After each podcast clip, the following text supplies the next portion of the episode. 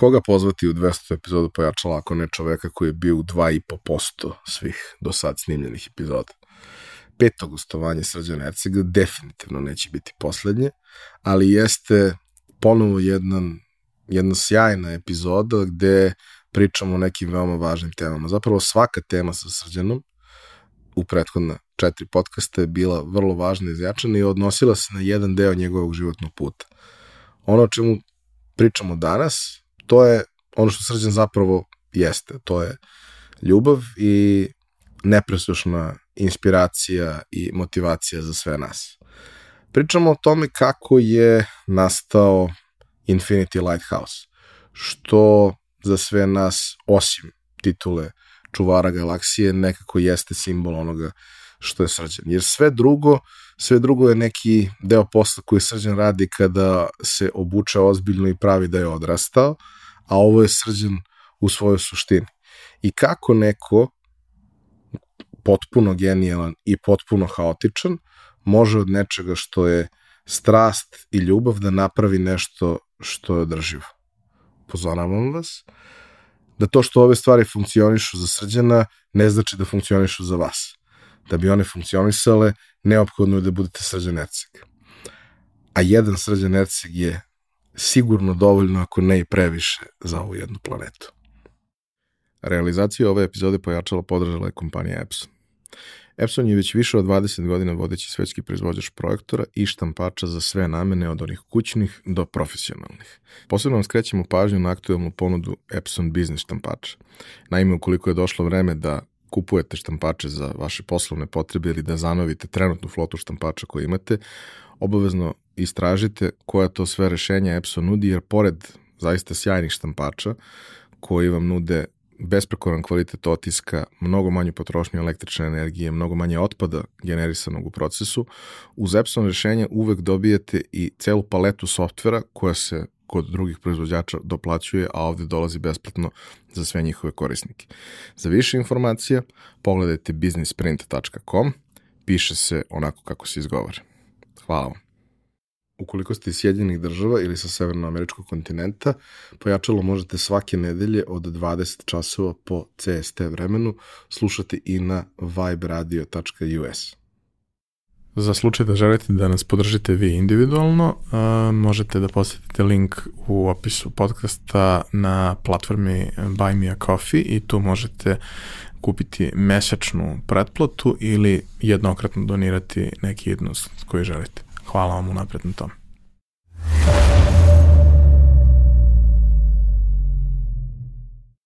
Pre malo više od četiri godine kad sam počeo sa ovim da mi je neko rekao da ću da snimim 200 epizoda, a u realnosti je to i više od 200, zato što je bilo i ovih ovaj, e, raznih specijala i onaj neki period korone sa onim adrednim epizodama i sve ostalo, ne bih verovao, ali mislim da je prava stvar da 200 tu epizodu uh, obeležim razgovorom sa jednom od, jednim od ljudi koga najviše volim na svetu i čovekom koji je bio u 2,5% svih redovnih epizoda, zaključno sa ovom, što je svojevrsni rekord. Dakle, imali smo ljude koji su bili u dve epizode, obično ljudi koji su i imali obimne priče, kompleksne i tako dalje, a i ljudi koji su malo obimni i sadržajniji nego. Ali nemoguće je ovaj obuhvatiti uh, jednog uh, Srđana Ercega uh, i mislim da sve o čemu smo pričali do sad da je izuzetno, ali da, da ćemo danas da pričamo o onome što je možda najvažnije i što nas drži jednog i drugog u ovim pričama koje radimo, a to je ljubav. Na kraju dana to je ljubav i srđan je ljubav. Hvala. Ti si ljubav. U pravom smislu te reči. Uh, I ono o čemu hoću da pričamo danas, dotaći ćemo se dosta tema. Prošli put smo rekli da ćemo malo da pričamo i o mentalnom zdravlju i svemu tome i to jeste dobra tema za 200. epizodu, ali e, ono čega se do sad realno nismo dotakli dovoljno, ono je uvijek postojalo tu negde, ali nije došlo na vremenskoj liniji do toga, a hoću da nam bude negde fokus e, danas, je e, priča o tome da kada si deo sistema, velikog, ti moraš da igraš po pravilima sistema.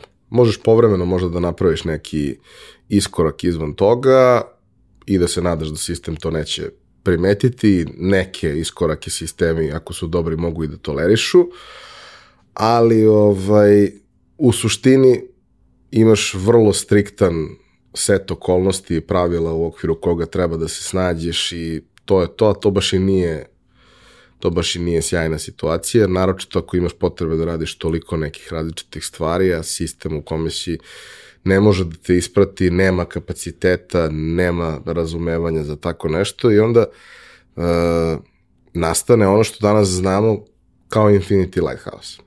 Ali to je moje viđenje s polja, kako je to sve izgledalo, a volao bi da čujem e, tvoje viđenje uh, geneze bolesti zvane Infinity Lighthouse. Da, da, prvo hvala ti za poziv. Čast mi je da budem u 200. epizodi. Uh, ne znam da li je to dobro ili loše, što toliki procenat je otišao na, na, na, na naše razgovore, to je na tvoj razgovor sa mnom, ali hvala.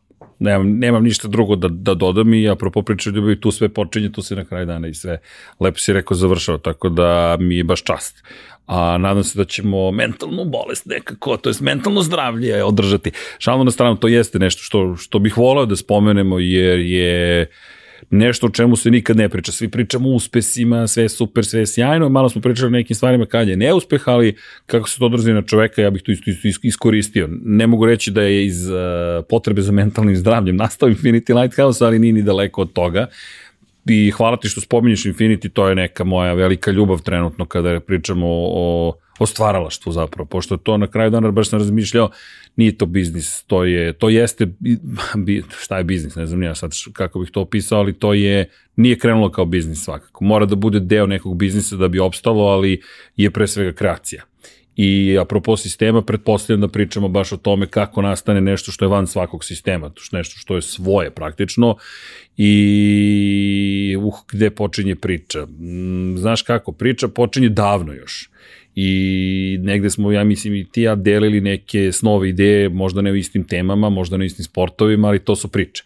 I ja ću ponoviti još jednom, ti si taj i hvala ti na tome koji meni formulisao u glavi da zapravo se ja bavim pričanjem priča. I sad ako pogledaš šta piše na Infinity Lighthouse-u, piše mi smo oni koji se bave pričanjem nekih najlepših, najromantičnijih priča iz Formula 1, Moto Grand Prix-a, istraživanja kosmosa, NFL-a i tako dalje i tako dalje. Tu je 99 yardi i ovaj, u kontekstu toga šta mi radimo, pričamo priče. Sad mi, znaš, već sam skočio na mi.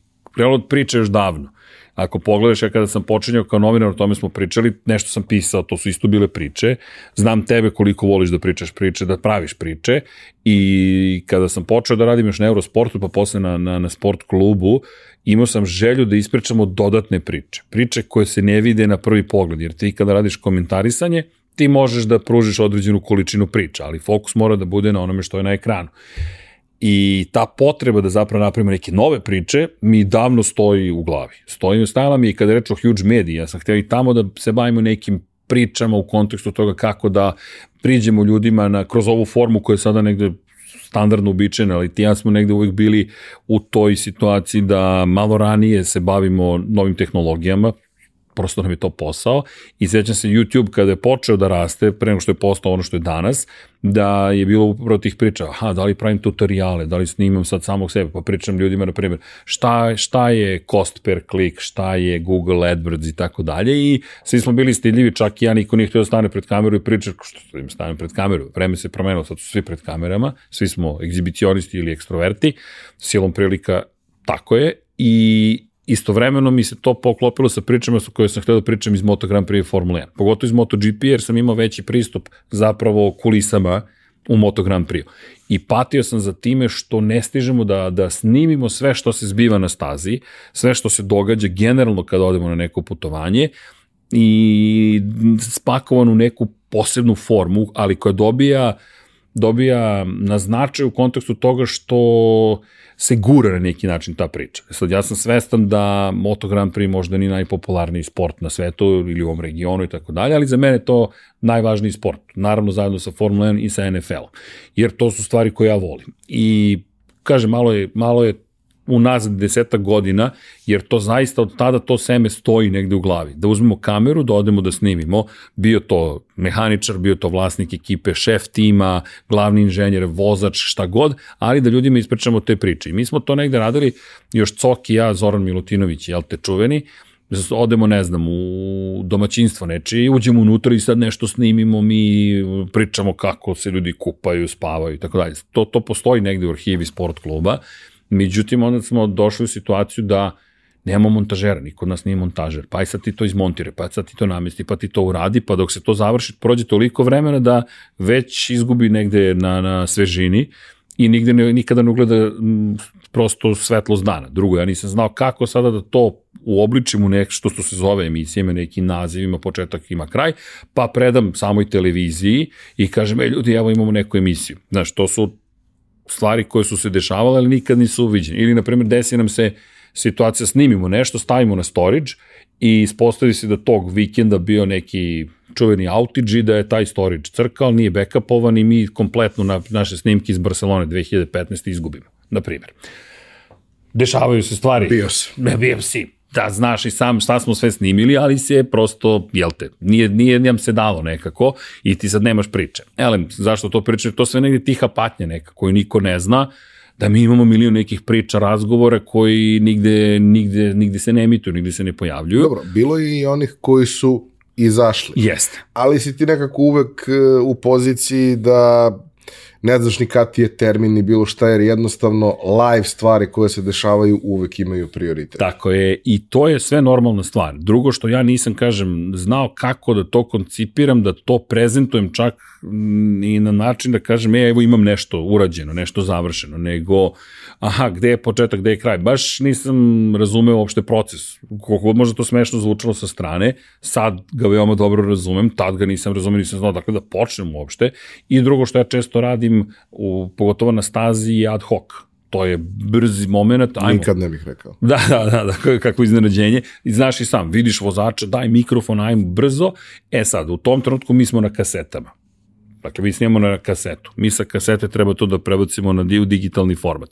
Koliko god smešno zvučalo danas, 8 godina kasnije, ali prostor na hard diskovima nije baš bio toliko izdašan, ali mi pokušamo da ga negde nađemo, a onda nemamo ni dovoljno brz računar da tamo mi montiramo stvari. Zvuči banalno, nije, ti znaš koliko su to suštinski problemi, a ti sada pošalješ nekome u Beograd i kažeš, ej, aj se sad bavi montiranjem ove emisije koja suštinski je važna meni možda, Coku i nekolicini nas koji smo zaljubljenici Džankiju, Jelena došla sledeće godine, pa i Jeleni je to značilo, znaš, da, da mi to uradimo, nije to prioritet ako pogledaš gledanost. Mislim, jedna stvar je tu bila zanimljiva, ono, vi ste oboje očigledno imate određene dijagnoze, nije, i ti zvezdica. Gotovo sigurno. I uvek ste išli, ono, kad smo bili na trci, to je uvek bila varijanta, ono, zakazali smo 18 intervjua, ona je zakazala 22, e sad... Pokušavaš? Ona je imala taj moment da je većina toga izlazila u pisanoj formi, Jeste. što, uh, ok, zahteva uh, ljude sa kognitivnim kapacitetima da pročitaju nešto koje to interesuje, što na neki način ograničava publiku, ali donosi neke druge stvari. Prvo, pretraživo je, pa može bilo ko da nađe, Drugači. može da prevede i tako dalje, sve to. Uh, Drugo, zavisi samo od tebe. Znači, sve što treba da uradiš je da ti uradiš nešto. Jelena je kompletan proces proizvodnje. Od početka do kraja. I to je ono što, što je negde za mnogi od nas bio razlog zašto i kad smo imali tehničke kapacitete da uradimo nekakav video, nismo se odboživali na to da krenemo nešto kompleksno. Ima... I ti si radio i ja sam radio video priče, ali su one bile intervju početak intervjua, tako je, tako kraj je. intervjua, 7 minuta, 12 minuta, 3 Jeste. minuta, nije bitno, ali je to, nije sad neki kompleksni storytelling, evo prilog. Tako je, to je prilog, bukvalno lepo si rekao i mi smo se na tome nekako zadržavali, neću reći zadovoljavali, ali na kraju dana to je jedino što smo, mi iskreno, znanja nam je nedostajalo, tehničko, tehnološki, ko zna, možda je postojalo neko rešenje, ja ga nisam u tom trenutku otkrio, ali ima još jedna stvar, mi nismo imali mogućnost u tom trenutku da postavimo ništa na YouTube. Zašto? Još uvek nije bio je MCN-a, sport klub, i onda ti kada nešto staviš što je globalno dostupno, što je kršenje ugovora. Tako da ti ne možeš da ga staviš čak ni na web sajt. Ne možeš nigde da ga staviš osim na televiziju. Televizija ima svoje pravila igre. Ti si sada, live time is prime time je geslo sport kluba. Ne mogu ja da odem i na sport klub i da kažem, e, ukinite live bilo čega, košarke, rukometa, odbojke, futbala, Formula 1, MotoGP-a, jer mi imamo ne znam kakav prilog ili imamo ne znam kakvu priču. Možda je ta priča najbolja na svetu, ali ti sad nju treba negde da staviš. I nije da nije postala dobra volja na, na sport klubu da se to desi, nego jednostavno šta ljudima ja da kažem, e, ukinite premijer, premijeru, šta, ne, ne možeš... A mislim, to... linearna televizija ima svoje ograničenje, ima, koliko prosto. god da imaš kanala. Tako je, a ako dobiješ termin u 4 ujutro, znaš, nemoj da očekuješ baš neku enormnu gledanost, pri čemu tad još jedan nije postojao, nisi mogao tek tako lako da vratiš unazad, itd., itd., itd. I drugo, neću, svešću to na, na sebe pre svega, ja zaista nisam znao iskreno nisam znao i to je meni negde goralo u glavi kako. I pogotovo ta priča o, o, o opremi. Kamera dodatna da se nabije zaista bilo nešto što je bilo veoma zahtevno u tom trenutku. I mi sad, šta sad, mi imamo intervjue koji su neophodni, to ti je obaveza, ti pričaš sa ljudima koji su učesnici u šampionatu sveta, to ti je broj jedan stvar koju moraš da uradiš, a paralelno se dešava priča iza kulisa. Gde mi je druga kamera? Još jedna stvar, u to vreme Dorna, koja je vlasnica komercijalnih prava, nije dozvoljavala da ti koristiš mirrorlesse ili, DSL, ili SLR-ove za, za snimanje. Ti uzmeš fotoaparat i ukoliko uključiš video opciju, istog sekunda ako neko to primeti, ti si manje više isključen, to jest zovu te i kažu nemoj to više da radite. Ti moraš da imaš tu čuvenu nalepnicu, za one koji ne znaju na sportskim borilištima, postoji način na koji se jasno zna ko sme da snima, ko ne sme, i to je pre napretka telefona, uređaja mobilnih i tako dalje pa i bandwidth, gde ti sad možeš da live upališ Instagrama sa tribina, ko će to da, da te spreči da učiniš? Znamo, Srđane, da, um, da možeš. Ne, ne, ne, ne, ne, ok, ali, ali, ali razumeš, i to su sad stvari koje su se sad promenile, ali hoću da ti kažem, u tom trenutku Dorna vodi drugačiji računac. Sad ja uzmem fotoaparat, upalim video opciju i snimam. No, no, niti imam nalepnicu, niti oni daju nalepnice da se lepe na fotoaparate. To je na nivou globalne organizacije sada promjena paradigme. Ti menjaš način na koji se neke stvari rade i još je Dorna bila napredna, trudila se oko društvenih mreža, međutim to je dalje bila opcija no, no. Dobro, vidi, i, i ne samo to. I za veliku većinu ozbiljnih televizija ti si morao da ispoštuješ tehnički standard za dostavljanje snimka koji, koji njima treba. I taj yes. standard nije bio full HD, ne, nego zna se kojom opremom može da se snima. Imaš spisak kamera koji dolaze u obzir. I to je to. To je to, tako je. Ja se sećam, mi smo jedne godine imali nekakav dogovor sa jednom televizijom, sa, sa nacionalnom pokrivnošću, ovaj, u Nišu da jedan zaposleni part-time radi za njih i po potrebi im snima neke materijale kada je to potrebno u tom delu, da kažemo, Juž, Južne Srbije i svega.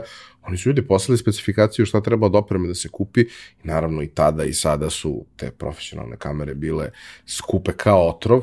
Taj snimak je lošiji od snimka bilo kog DSLR-a u tom trenutku, ali to ali je ono što moraš da imaš. To su pravila igre. I to je to. To ono što Sad, si rekao. Pet godina kasnije, to više ništa nije bitno. Pa, da, ajde ovako, da, da, malo ću da skačem, ali ne zamerim. Mi kada smo pokrenuli Infinity Lighthouse, dakle ja sam imao neke svoje snove, ideje, šta, kako hoću da uradim, imao sam jasnu viziju kako želim tome da pristupim. Prvi fotoaparat koji sam kupio, to jest kameru, jeste bio Sony mirrorless. Ja sam otišao i gledao Alpha seriju i rekao, ok, S2, A7, zašto? Zato što gledao sam osetljivost na snimanje itd. itd. itd. itd. Zašto? Zato što kida. Tako za je. te pare. Za te, apsolutno. A i za, Vidi, za veće. I za veće, to je pogotovo u rukama nekoga ko to zna da radi, to je spektakularna kamera. I dan danas, ona u 4K može da snima. Dakle, ona može da uradi sve što želiš. Ono što je bio, bio moje, bilo moje razmišljanje jeste ka, da je tehnologija toliko napredovala da ti upravo to možeš da uradiš, da hakuješ sistem naj, skup, skuplja. Ti dođeš do toga da su ti objektivi podjednako vredni. Sony je srećom u tom trenutku izbacio neku novu seriju svojih objektiva koji ne poredim ja sad da li je Nikon, Canon, Sony bolji ili nije. To je sad pitanje šta voliš, ko, ko, na koj, ka, kojom delu spektra želiš da ideš, ali ovo je snimanje Inače, kvalitet snimka se značajno promenio. Sada manje više može da snima ko hoće, šta hoće. Ljudima je to već prihvaćena norma, da ne mora da bude savršen snimak, već da se vidi suština onoga što radiš. Međutim, ja malo patnim za time da bude i, i kvalitet na višem nivou. I mi smo napravili nešto što je kasnije, ne znam da li je Fox, CBS ili NBC to uradio, ili ESPN čak, oni su to nazvali Megalodon. Koje je bilo razmišljanje? Uzmeš stativ, uzmeš gimbal za kameru, to je za fotoaparat. Staviš, jel te, da imaš nešto što je Steadicam praktično. Steadicamovi su koštali 25.000 evra i tako dalje. I treba ti je čovek koji ume da operiš. I koji ima snagu da to nosi, da se kreće i da ume i tako dalje ti sada dolaziš u situaciju, to sam inače na Pro Bowlu video u Americi, e, gledao sam kako se ponašaju. Amerika je super iz te perspektive da ti da krila, vratit ću se na tu priču, ali pojenta je bilo u sledećem. Mi onda napravimo kameru neverovatno ti da može sve to da uradi ta kamera, ali ti vidiš da ona to može.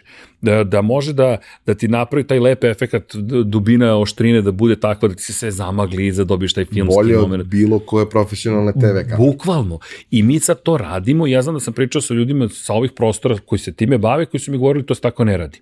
Ne, nego gospodo, vi ste zaostali u vremenu. To jest, vi više niste mladi u glavama, možda ste i mladi, ali više ne razmišljate ispravno. Vi razmišljate o tome šta se trenutno radi. To je, to je, ponosno sam na celu ekipu Infinity iz te perspektive što nema tih barijera. To su samo izmišljene barijere u našim glavama i to mi se ponavlja kroz sve poslove koje smo radili. Da li Huge, da li sad Spectral, da li Infinity Lighthouse, da li nešto 600, uvek ista priča očigledno ti je nešto, pred nosom ti je, ali ti deluje neverovatno da je toliko jednostavno. Nemoguće da je toliko jednostavno. Ne, ne, ne, upravo je toliko jednostavno. I kada smo to uradili, zašto mi je Megalodon bitan? Godinu kasnije, 12 meseci kasnije, na NFL-u kreće snimak koji prikazuje igrača, sve zamagljeno u pozadini, taj čuni boke, efekat, jel te, japanski termin koji je zaživeo kod nas, u svugde u svetu, i ti dobijaš nešto što, što se ljudi hvale, ja vidi šta su uradili, ja kažem da, mi to radimo već godinu dana. To jest, mi imate te kamere pred sobom i bukvalno sam istraživao, ispostavilo se A7R4 je u pitanju šta su oni uradili. E, tamo gde je zoom i tamo gde je šarfovanje, za one koji ne znaju šarfovanje je praktično promena oštrine, da li je pozadina oštra ili je lik u... u, u otvaranje Tako, otvaranje, pa bukvalno ti menjaš zapravo e, koji deo kadra hoćeš da ti bude oštar, da, da laički to dopišemo. Pomeranje fokusa. Tako je, pomeranje fokusa. I sad šarfovanje je, ja te, zanatski termin, nisam imao pojma. Kaže, ti to šarfuješ, nemam pojma šta si mi upravo rekao, ali sam naučio, između ostaloga propoznanja. I sad šta su uradili? Ti obično dobiješ zoom, auto zoom e, imaš mali motor kao što znaš, gde ti podesiš dve dubine zooma da bi mogao da zoomiraš napred ili nazad. Ali za zoom, međutim, pričamo o mehanici, pošto su zubci isti na zoomu i na zapravo blendi, ti dolaziš do toga da ti kažeš čekaj, čekaj, čekaj, čekaj, čekaj, ajde da stavim ovaj točkić, to je cijelo ovaj mehanizam da mi zapravo šarfuje automatski. I sad ja znam da imam dubinu koja je stadion i ja sad prikazujem stadion koji je Infinity, jel te, I ja onda hoću na Ivana da prebacim, ja kliknem na auto zoom koji ne radi zoom, nego radi auto šarfovanje zapravo. I ja sam otjedno si mi ti oštar. U, wow, ti si dobio bioskop za nekih 6-7 hiljada evra, do 10 maksimalno. Možda nekom pojedincu to zvuči kao ogromna svota novca. Za filmsku industriju, za TV industriju, to je ništa bukvalno. Ti nisi mogao da kupiš ništa za te pare što bi to moglo... Da samo kameru. Bukvalno, ti sada imaš Steadicam koji ti daje savršen kadar sa automatskim šarfovanjem, pri čemu mini HDMI ili mikro HDMI ti izlazi u tvoj snimač, video snimač, dalje Ninja, dalje nešto treće, nemam pojma, koji ti ide u ranac i pritom na leđima nosiš live view sistem sa četiri, jel te, SIM kartice i ti si pokret, ti si, ne znam ko mi je rekao, treba reportažna kola. Imamo ih, gde? U rancu. Molim, to ti je promjena kompletne, cijela industrija se je promenila. B vidi, to, pogotovo u COVID-u, ali ja sećam 2019. krao sam znanje, jer tad, tad je već nastala ideja o Infinity Lighthouse-u i pričam sa kolegom iz Francuske i, i pitam ga šta radiš, šta koristiš. I on mi kaže, e, vidi, malo koristim iPhone, kada nemam ništa drugo, koristim, šta je koristio tada, uh, Sony-evu, koju od ovih velikih kamera, nije devetka, sedmicu je koristio, to, to, ozbiljno, to je velika kamera, to je sad nešto sasvim drugo. I ja kažem, ok, sad da vidim šta ko radi, nisam znao koji su snimači za koji, ko pro, kontra imaš kod svega i sad skupljaš znanje. Evo, vi imate snimač za audio snimač, Zoom, isto sad Zoom se zove, sad Zoom je i, jel te, software koji ljudi koriste najčešće za, za, za konferenciju, za videokonferencije, ali Zoom je, to sam naučio Đorete Krstića, mog drugara. Kako? Kradeš znanje, krade. Učite ljudi, u svemu može se uči. Đole je snimao Joana Mira, jer šta smo mi uradili umeđu vremenu? Već smo bili nadomak toga da, da, da napravimo skok. Jelena, sad ima nas više od jednom, to je mnogo bolje. Jelena radi intervjue, ja odjednom imam slobodu da radim ono što sam hteo. A to je iza kulisa, daj da snimim sve što se zbiva. I Đole koji je imao DSLR, a sad imamo dozvolu da koristimo DSLR. Pazi, to je sad 2019. To je u pet godina se mnogo desilo. Inače, kada je GoPro potpisao ugovor sa Dornom, to je mnogo promenilo stvari. Jer odjednom GoPro kao akcijona kamera, ti dobiš specijalnu nalepnicu da snimaš.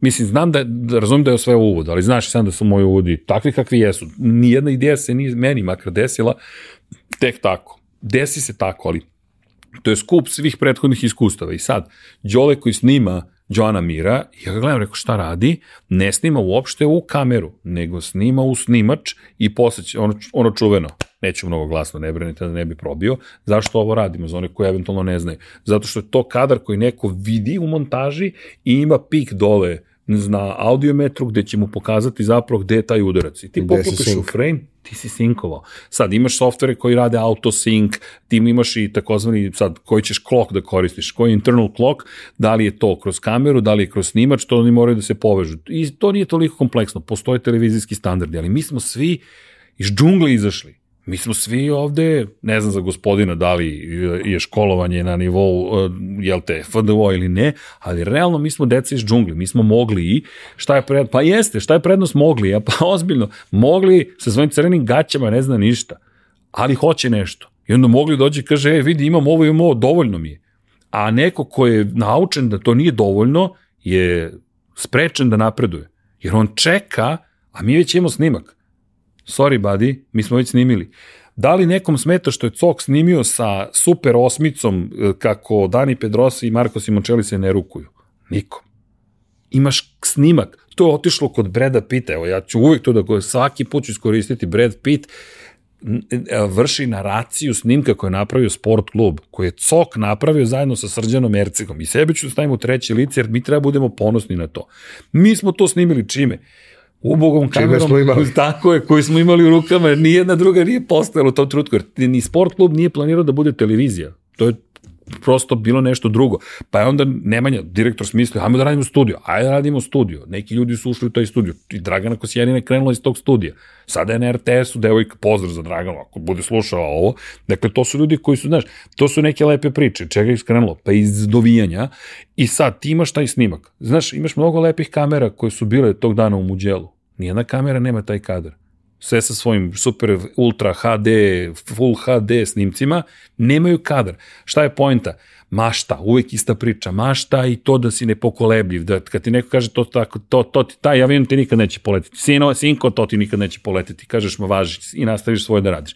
I sad, vidiš Zoom H6. E sad, šta je mene nerviralo? Zoom H6, neću da ga nosim u džepu. Onda shvatiš da postoji hot shoe, cold shoe, nakačiš ga gore, pa još izgledaš fancy u celoj priči. Dobro, sad imaš neke kablove, aha, čekaj, sad da nađem kako to radi bez kablova i tako dalje.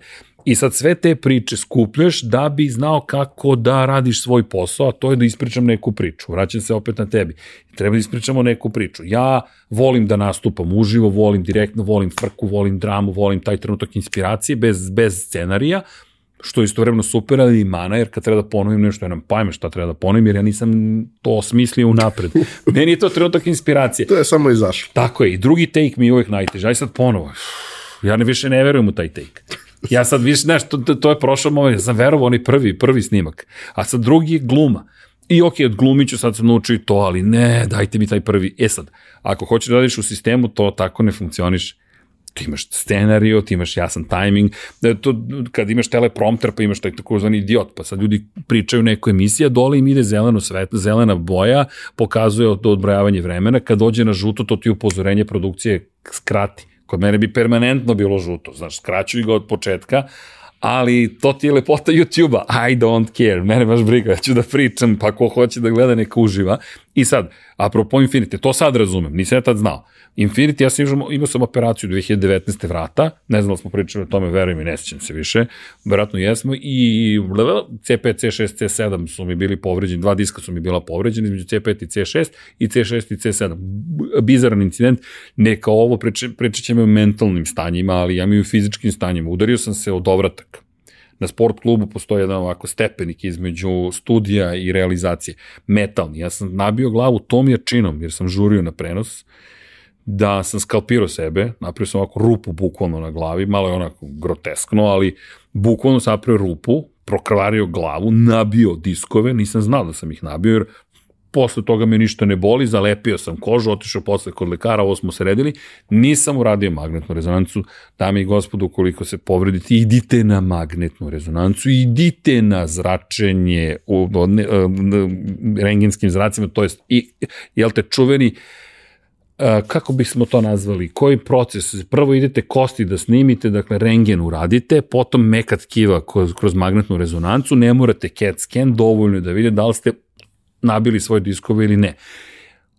Možete možda to da sredite na početku, ali dve godine kasnije ti diskovi su već suvi i idu ka kičmenoj moždini i onda ti iz kičme, pršljenova rastu osteofiti ka kičmenoj moždini, ti moraš na operaciju nije ugodno, inače ja šest meseci nisam ni znao da postoji mogućnost operacije, iskreno setio sam se i mog imenjaka, Bog da mu dušu prosti, Srđan Knežević koji je izgubio život, čovek koji je ostao paralizovan posle jedne operacije slične, samo što je bilo niže, nisu, nije bila vratna kičma, da li je bila grudni ili umbalni deo, ne znam, ali ja sam i to spomenuo doktorki koja me preporučila operaciju i rekao, doktorka, plašim se. Plašim se, jer to je kvadraplegija ako se desi nešto loše. Mislim, pomeram se, hoću da kucnem od drva, znaš, to je ogroman strah. Apropo mentalnih stanja. Ali neko mi kaže, pa vidi, tebi kosti rastu u kičmenoj moždini, možeš da vežbaš do jutra, biomehanika je jednostavna i nisam hteo da idem kod uh, kostolomca i nešto slično, ja u to ne verujem. Neću nikome da dajem ja savete šta treba da radi ili ne.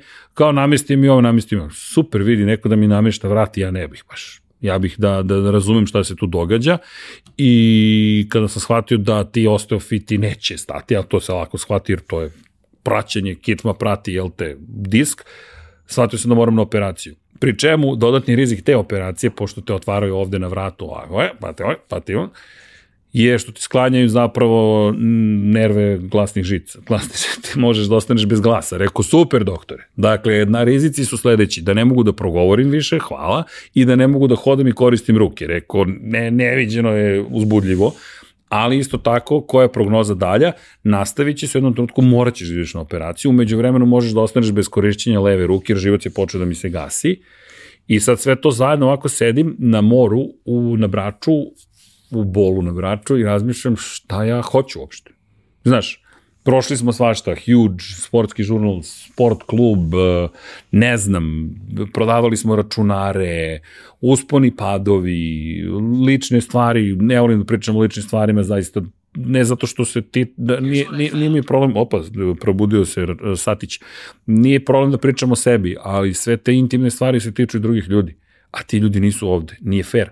I drugo, nije fair izvlačiti njihove živote bez njih u bilo kakav vetar. Tako da, iz te perspektive se trudim da budem diskretan, ali i neki lični usponi, padovi e, su ostavili traga, pri čemu ja u tom momentu sam s jedne strane veoma srećan, s druge strane sam u jednoj dramatičnoj situaciji, dakle, kad pogledaš nemam pojma šta će biti za mesec dana sa mnom, da li ću da funkcionišem uopšte kao ista osoba ili neću i a, a svestan sam da negde moram i želim da napravim taj potez, a s druge strane lepo mi je. Znaš, lepo mi je. I sa mojom lepšom polovinom sam negde na moru, lepo mi je, zabavljam se. Trebalo bi da uživam. Ja u tom trenutku kontempliram život. Šta će biti? Ne znam, ali kada se vratiš u Beograd moraš da budeš odrastao. Da, da, da, da, da, da. E, e sad ja to ne bih da budem odrastao, zato i postoji Infinity Lighthouse, ali, ali dobro.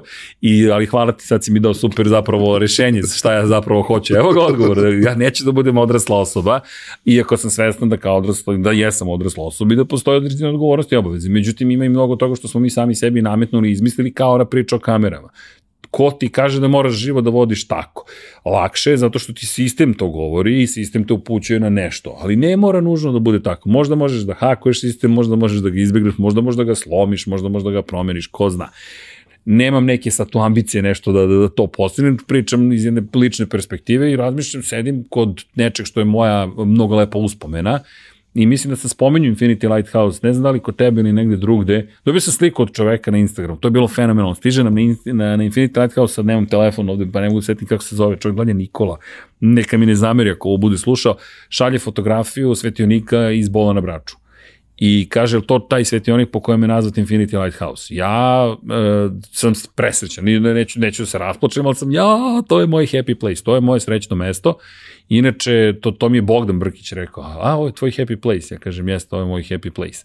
Jer to je zaista mesto gde, gde, gde sam provodi tinstvo sa školom dolazio na, u letovalište, jer je moja škola Lata Savetić iz Zemuna imala dogovor sa tim letovalištem i još jedno letovalište sa Voždovce tu dolazilo.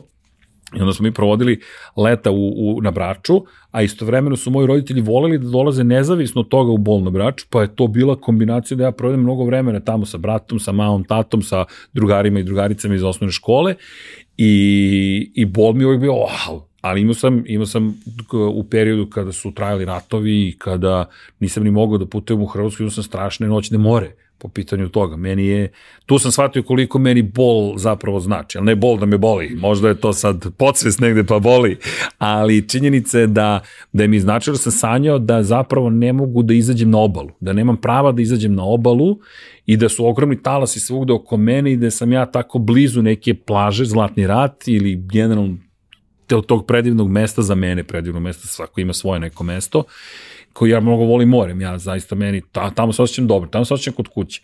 I da ne mogu da izađem i to mi je bilo tako strašno. I onda sam 2012. morao da odem da znam da mogu da dođem, da je sve okej. Okay.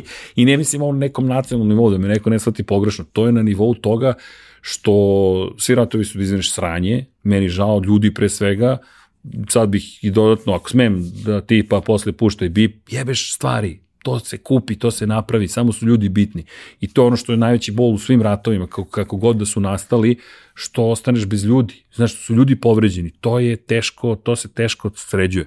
A kuće, zgrade, putevi, to sve možemo da nadoknadimo. To ćemo da sredimo. Ljudi smo, možemo to da uradimo. Samo moramo da čuvamo jedni drugi. To, to, I to je i to je to univerzalna poruka, apropo ljubavi.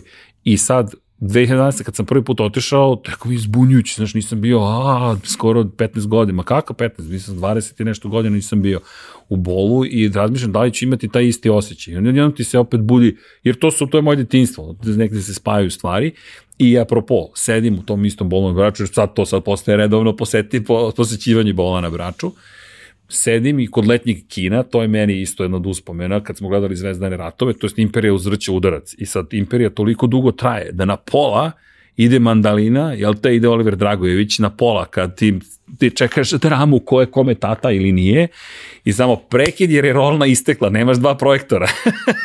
I kreće, na, ne, Nadalina, Nadalina, Nadalina i, i sad kupuješ Coca-Cola, jedeš kokice, ide Nadalina dok Darth Vader se sprema da odseče ruku rođenom sinu. Sorry for the spoilers, ali, razumeš, i ti sad kao sediš i ja sam u strahu, ozbiljno, pa ne ozbiljno ti kažem, ozbiljno sam da, da, da, da, da, ja on stvarno tata, nemoguće, ti si moj tata, si ti sad Darth Vader, znaš, to je, to je, znaš, to je koncept, a seća se onih bočica Coca-Cola, kakva nije, mislim da nije bila crvena, ni, ni, ni poklopac nije bio crven, nego sve crna, znaš, one što se peru, otprilike, višekratna upotreba i tako dalje. I, i ti čuveni frižider sandučar dole u levom uglu i sad ta, to letnje kino je moram da ga posetim, odlazimo u letnje kino, novije su stolice, ali koncept isti ima dva projektora, znaš, to je dobro. I naravno upoznaješ se sa, sa, sa kino operaterom, kino opera, super operater, su, su, su, su, super operater, ali gotivniji nego u zelenom zubu, to jest u kako je propao rock and roll a on je isti čovek koji zapravo radi u Luci kada prilaze brodovi. I on vezuje brodove danju a i prodaje karte za brodove, a uveče radi kao kino operator. da znaš, to je jedno malo mesto, malo misto što bi rekli. I ti sad ti se upoznaš sa njim dole na ljudi, ja volim da pričam sa svima i, i upoznamo čoveka i posle ga vidimo u bioskopu, čao, gde ste, kako ide, kakav je film, dobar je, ovaj možete da gledate. Gledali smo i neki danski uh, intelektualni horror thriller, ne znam, nije rekao, uf, ne znam zašto ovo gledate, ajde, ja se pitan zašto smo ga gledali, ja mislim da je bio danski, ne sjećam se, baš je bilo loše, ali point je u tome da to neko sad opet srećno mesto, jer ti sad šta se dešava, imaš zvezde iznad sebe, tu je mesečina, prolazi katamaran, znaš, ja sam negde u svom nekom, nekom, nekom filmu. Ja srećan, meni je lepo, prosto to je to, je, ja sam zadovoljan, nema ništa drugo mi ne treba.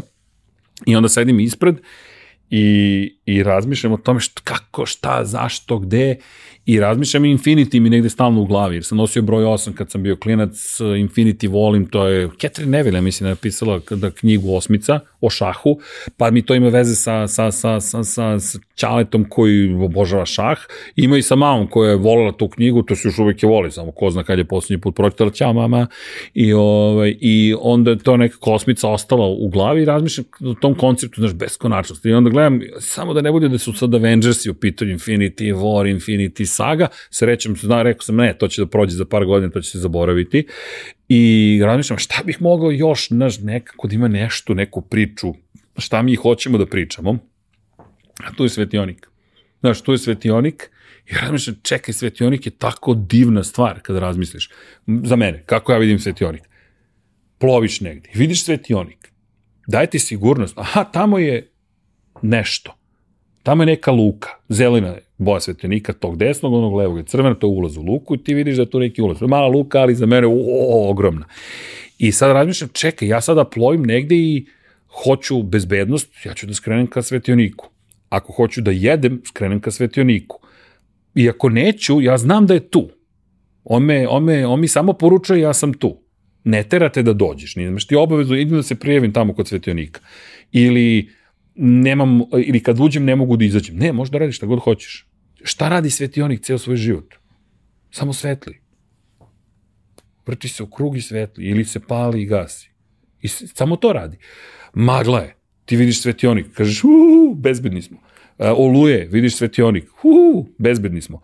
Lepo je vreme, vidiš svetionik, a znam, tamo je neka gotivna ekipa, tamo su Ivan i ekipa i, i sede i ble, snimaju podcaste, u super, idem tamo. Ili, a, večeras je fešta, idemo da jedemo nešto. Nevažno je. I uđeš i kažeš, a, ovi su bez veze, neću da budem ovde. Ideš, izađeš. Super. E sad, pošto, jel te, volim svemir, naučna fantastika i tako dalje, a mi da napravimo beskonačni svetionik. I to mi je palo pff, Infinity Lighthouse, I razmišljam da li će neko pomisliti da je neka sekta u pitanju, znaš, da li to sad zvuči suviše, kažem baš prvi, to sam ja. Pa kome se sviđa, sviđa, kome se ne sviđa, ne sviđa. I to, tako mi je to palo na pamet. Ali kažete, ti, kontempliram život, gde ću, šta ću, kako ću, zašto ću. Rekao, to mi dobro zvuči, znaš. I opet ima deo mog srećnog mesta je u celoj priči.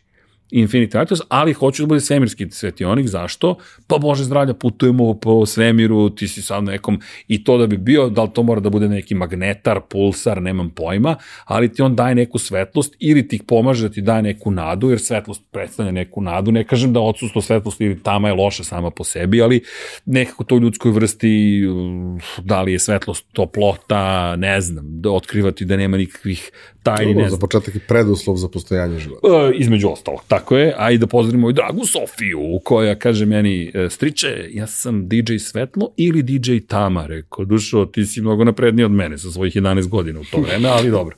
Ne, tad je imala 9, izvini, kad je bila DJ Svetlo i DJ Tama.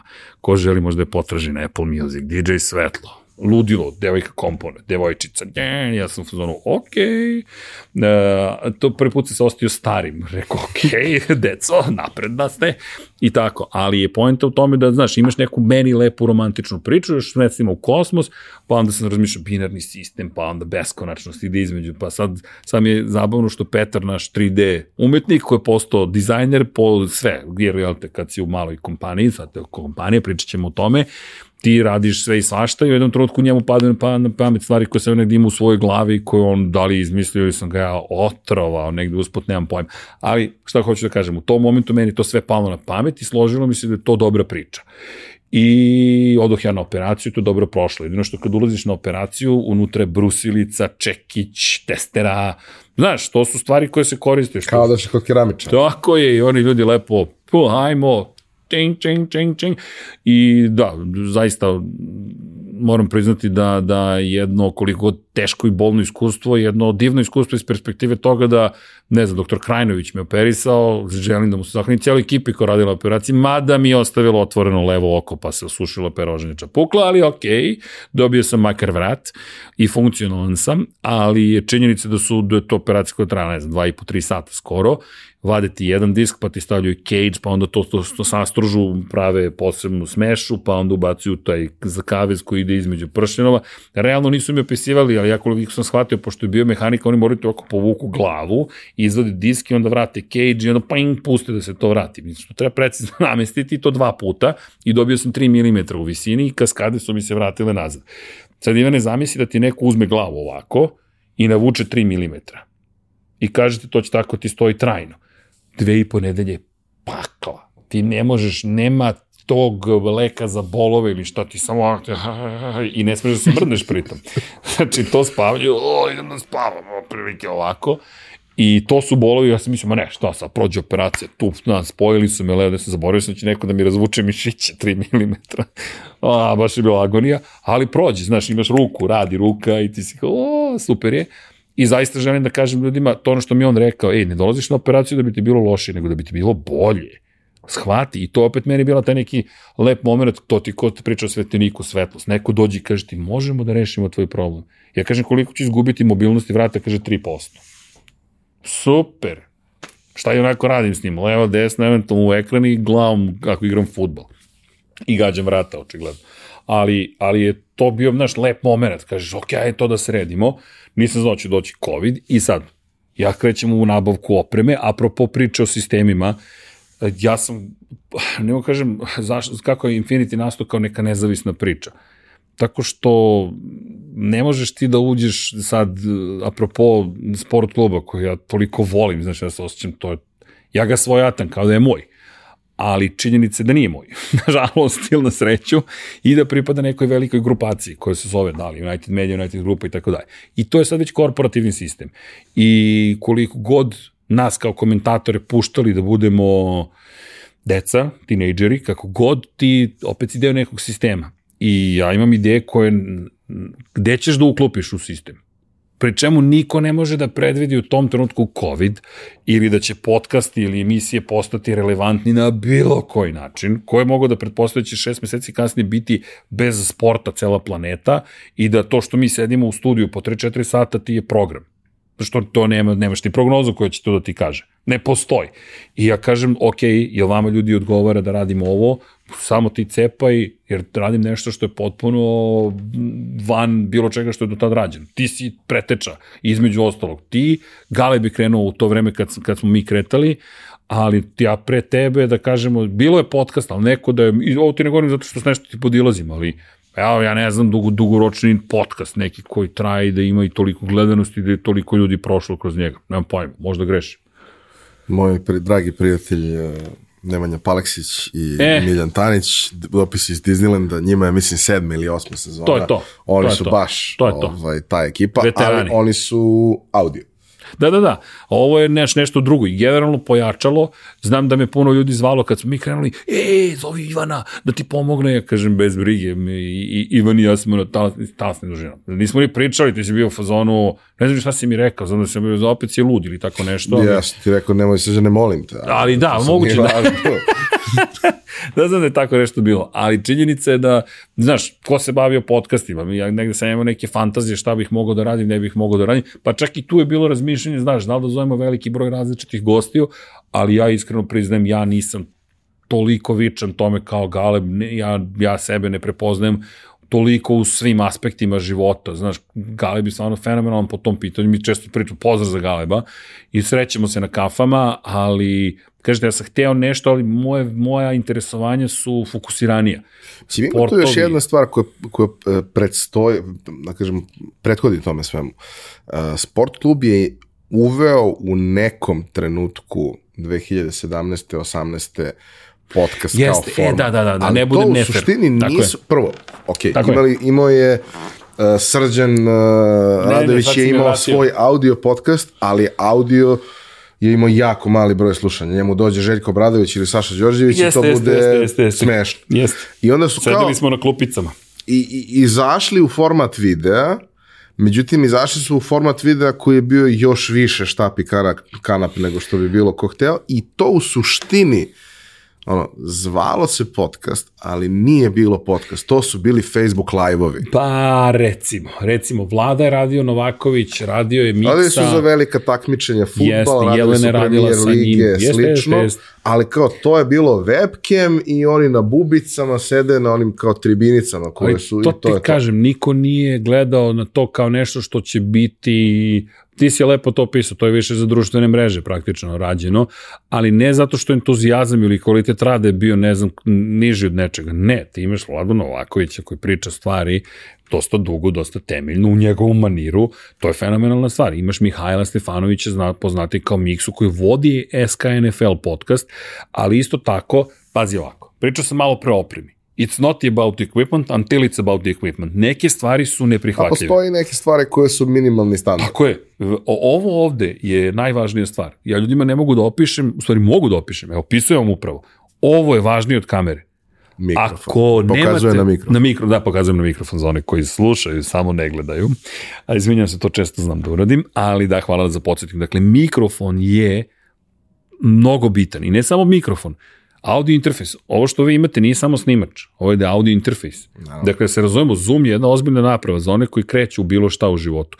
Vi imate pop filtre, za one koji ne znaju, kad ja kažem p, p, p, p, p, p, p, ovde ima jedan mali filter ispred, ko ne vidi, koji takođe sprečava da se to P dopre do membrana. Jel te, mikrofon ne znam da li je ovo kondenza, kondenzatorski, kondenzatorski ili, ili dinamički, Da, mora da bude, pošto za dinamiku sam predaleko, ali to su stvari isto koje se uče. Pa onda Phantom Power. Šta je Phantom Power? Ubiću se. Moraš da imaš voltažu koja ide u kondenzatorski mikrofon, koja ti dolazi od tvog audio interfejsa, to je snimača. Ako ne upališ, tvoj mikrofon ne radi osim ako je dinamički. Dinamički je malo drugačiji. Da ne kažem pevački. Ali, da sad ne odem predaleko, poenta je zvuk mora ti bude mnogo dobar da je da su svi ti podcasti imali bolji zvuk, a nisu mogli da ga imaju jer se snima na bubice koje su omnidirekcione, kondenzatorske, veoma osetljive, koje idu na neku staru miksetu koja je tu priručno postavljena i webcam koji pride ti ne pomaže da bar izgledaš dobro, nego je 640 puta 480, pa izgleda zaista kao da smo hakovali nekom sistem, samo još max headroom da se pojavi otprilike,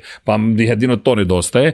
Za one koji ne znaju, googlajte ko je ili šta je max headroom, ali zanimljiva priča Max Headroomu, samo jedan od prvih hakovanja televizijskih sistema u Sjedinjim američkim državama se desilo kad je DASA upao u sistem, ne znam koje mreže velike i obučen kao Max Headroom čisto ludila radi, ali dobro. I nešto lupao, nisu znali kako da ga skinu. Na kraju se ispostavilo da tehničar koji je zapravo radio na distribuciji signala usmerio zapravo usmerio svoj signal, da emitove signal, ne znam tačno s kog satelita je okrenuo je satelitsku antenu bukvalno ka svom ludilo. Ali idemo dalje. Elem, pojenta je da, da, da to mora da se, moraš da se čuješ. Čak i ako se ne vidiš dobro, ako se ne čuješ dobro, to je kraj. Tu je kraj. Jer većina ljudi, iz mog iskustva, nemam podatke da to dokažem, će da okrene se makar, da pogleda negde oko sebe ili će da te ostavi u tabu gde ni ne gleda zapravo to što se dešava, nego samo sluša. Ako je zvuk i čuješ ting, lift i čuješ kako ljudi prolaze i mašu ti a va va va iz daljine i kako je neko ušao u toalet i slično, to je više kao da snimaš, ne znam, epizodu, pilot epizodu kance Office-a, jel te? Čak nije ni to, jer Office je ozbiljna produkcija, samo što izgleda kao baš nas briga produkcija, što inače zanimljiv aspekt, ali to je pristup i sad dolazimo do toga da zapravo ti podcasti su ogroman potencijal imali u sebi, ali jednostavno vraćamo se na početak priče. Podcast jednostavno nije toliko važan u tom trenutku. Zašto? Pogledaj samo šta u tom trenutku sport klub emituje, to jest prenosi. Što ne samo što želiš i što je dobro, nego imaš neke ugovore koje moraš da ispoštuješ. Premier Liga, Primera, Euroliga, kako ćemo reći o, o košarci, NBA u tom trenutku, NFL, Formula 1, Moto Grand Prix, Wimbledon, teniski turniri Mastersi, ko zna šta se sve ne prenosi. A, imamo japansku ligu, kinesku ligu, da pričam ti o vremenima. praktično si ceo dan si u, komentarisanju i prenosima. Ne ja konkretno, već svi zajedno na sport klubu. To je košnica, milion ljudi je tamo. Ne znam sad da li sam izostavio neki sport, sigurno jesam. Ne, KHL. KHL, koji je preozbiljna liga, ti govorimo o tome, čak mislim se u jednom trenutku poklopio i sa NHL-om i KHL zajedno, ti se, ja ne znam šta nemaš otprilike što se, što se emituje, zaboravio sam sigurno kupove neke takmičenja. Ma, mislim, Palakanestro, Pa, eto košarci, gomila liga u košarci, plus... Uh, Srpska liga američkog futbola, SAFL se prenosio, ti imaš, ti imaš sad reportažna kola, ti imaš studije, ti imaš Đokovića kao gosta, ti Viško i Govedarica idu na, zajedno sa Banetom pa i sa Ozmom po svetskim turnirima. To su ozbiljne stvari, ne pocenjamo ozbiljnost podcasta, očigledno, jer ja duboko verujem u tu formu, ali odjednom, ako postaviš stvari između podcast i dodatak cijeloj ovoj priči, ali u tom trenutku šta ćeš s tim podcastom? Gde ću da ga emitujem? Šta ću da ga emitujem na TV-u? Hoću na YouTube-u da ga emitujem. Evo vam YouTube, emitujte se, ali ne ulaziš u neku infrastrukturu jer se baviš zaista prioritetnim stvarima. Dobro, Možemo se da mislim, se lažemo, ali da- prioritetnim stvarima. da ga banalizujemo potpuno, nemaš nigde. Nemaš nigde, to, to možda zvuči isto ponekad čudno, gde, bukvalno Ivana, lepo si to rekao, gde? Mi smo jednom snimali podcast u, u dubbing kabini, bio si u dubbing kabinama. Ti ja stajemo možda. Vakum. O, znaš, vrata da se eventualno zatvore, ako neko nam pomogne. Stišnjena šunka. Stišnjena šunka, to, to, nije, to nije baš jednostavan način da uradiš nešto, to je pravljeno za jednu osobu koja čita određeni tekst i radi takozvani dubbing. Povremeno možeš ono u drugu kabinu, u drugu dub prostoriju da sedneš, ali to je to. Opet, ta prostorija se koristi za emisije, za dubbingovanje. Nema prostora, nema kada. I sve to nekako dovodi do toga da da, da kažem ti, i hvala ti na tome što si me vratio. Nije lepo prema, prema kolegama koji su i koleginicama to radili, to vrlo ozbiljno radile. Jer, jer ja znam i Jelena koliko je radila na tome, Trajković Zvezdica, dakle, koliko je vlada radio na tome, koliko je njima bilo stalo do toga, koliko je Pa Miksi bilo stalo. Mi smo suštinski to slušali zato što je bilo dobro, zato što je kvalitet sadržaja bio dobar. Tako je. Produkcijski nam u tom trenutku nije ni bilo presudno, jer kao ako ga pustiš na laptopu, ni, nije to bitno. Preživećeš. Ali ne možeš, ne Ali možeš ne tako može da, da se širi. na dugi staz. Ne može ni da se širi dalje, ne možeš ni da promovišeš, ne možeš ni nužno da prodaš jednostavno klijentima, to jest sponzorima, da bi onda investirao, da bi uložio dodatne stvari i tako dalje i tako dalje. I sve to je negde tako funkcionisalo, kažem ti, COVID je ja možemo da se lažemo, ali COVID je značajno promenio planetu, uglavnom na lošije, ali neke stvari su se izrodile iz toga koje, hajde, vidit ćemo na dugi staze šta će nam doneti, jedna od stvari svako jesu podcasti, to je podcasti. Ja moram ti priznati, nisam razmišljao o tome kao podcastu, ja sam samo htio da pričam priče. Ja se stvarno vraćam, ja ne znam, ja, 52 minuta, TS3 trajemo, nemam pojma, ali sam rekao ono što si me pitao, nadam se da jesam, ali poenta jeste da je sve to rezultat milion nekih stvari koje su se desile. Ja tek sada razumem da sam se ja vratio u novinarstvo, to je da se uskoro vraćam u novinarstvo time što moram scenarije da pravim za neke stvari, što su zapravo tekstovi. A kad imaš tekstove, onda više ljudi, jel te čuveno, tacit explicit, to, to je neopipljivo i opipljivo znanje, kada je u mojoj glavi neopipljivo je, kada spustim na papir to je opipljivo i postaje skalabilno, teško se više menja, ali sad vraćamo se na ono, nema improvizacije. Sad ceo tvoj tim zna šta si ti rekao, šta želiš da kažeš, da li je to montažer, da li je to neko ko će da čita tekst, da li je to neko treći ko će se baviti efektima, kako god, to jest proizvoditi sekvence koje su ti neophodne za montažu. Poenta je u tome da sad vraćamo se u novinarstvo na neki način, ali dešava se još pet stvari koje su pomogle tome da Infinity Lighthouse uopšte nastane takav kakav jeste. Jedna od stvari je, su dvojica ljudi zapravo su Viško i Govedarica. Nebojša Višković i Ivan Govedarica, više go, ko ne gleda ili ne sluša podcast, neka to obavezno uradi ukoliko voli tenis. A i ukoliko ne voli tenis, voli zanimljive ljude. Šta je pojenta? Oni su došli i bukvalno ni Viško rekao, Srki, čujem da si ti čovjek za podcaste. Imam pojme da sam čovjek za podcaste. Nisam ja to tako koncipirao nužno u glavi, ja kažem "Ba, da, jer jesam, ali nisam baš planirao sad odjednom da još neko dođe da snima sa mnom nešto ili da se mi udružujemo ili da se time bavimo. Međutim, njih dvojica dolaze i kažu mi odavno planiramo podcast, ja to ne znam, znaš, to ti manja komunikacije i mi želimo da ga dignemo na neki viši nivo. Jer i njih dvojica žele podcast, ali poteškoće im pruža situacija da ti nemaš tehničke mogućnosti da to uradiš. I ja kažem da, imam plan, u tom trenutku sam planirao u kancelariji svoje, u Huge Media da pravim podcast, pa šta bude biće. Međutim, dolaze njih dvojica i sad, naravno, to, to je moja priroda, ja razmišljam, ambiciozan sam, volim da proširim stvari, da budu na najvećem mogućem nivou. Juče mi neko rekao, kaže, ti si perfekcionista, verovatno, to je isto vremeno i dobro i loše, kao i sve u životu. I rekao, ok, ja sad imam viziju od jednog studija, nemam pojma kako se pravi studiju i kažem, ok. Ja kažem, i kažem njima, ja sam spreman da uložim, on čuveno, neću kupim džipa, ali ću kupim studio. Sad će mi džip, ne krijem za srednjeg doba, ako me piči, nek to bude bar u kreativne svrhe. Mada ko voli džip, nek kupi džip. Zaista ne osuđujem, nego ja nisam, džip meni je bila ili kola, nego sam rekao, hoću studio. I, i ti se smiju, nemoj strki, nismo mi mislili sada nešto da ulazi. Kaže, ne, ne, to je moja stvar.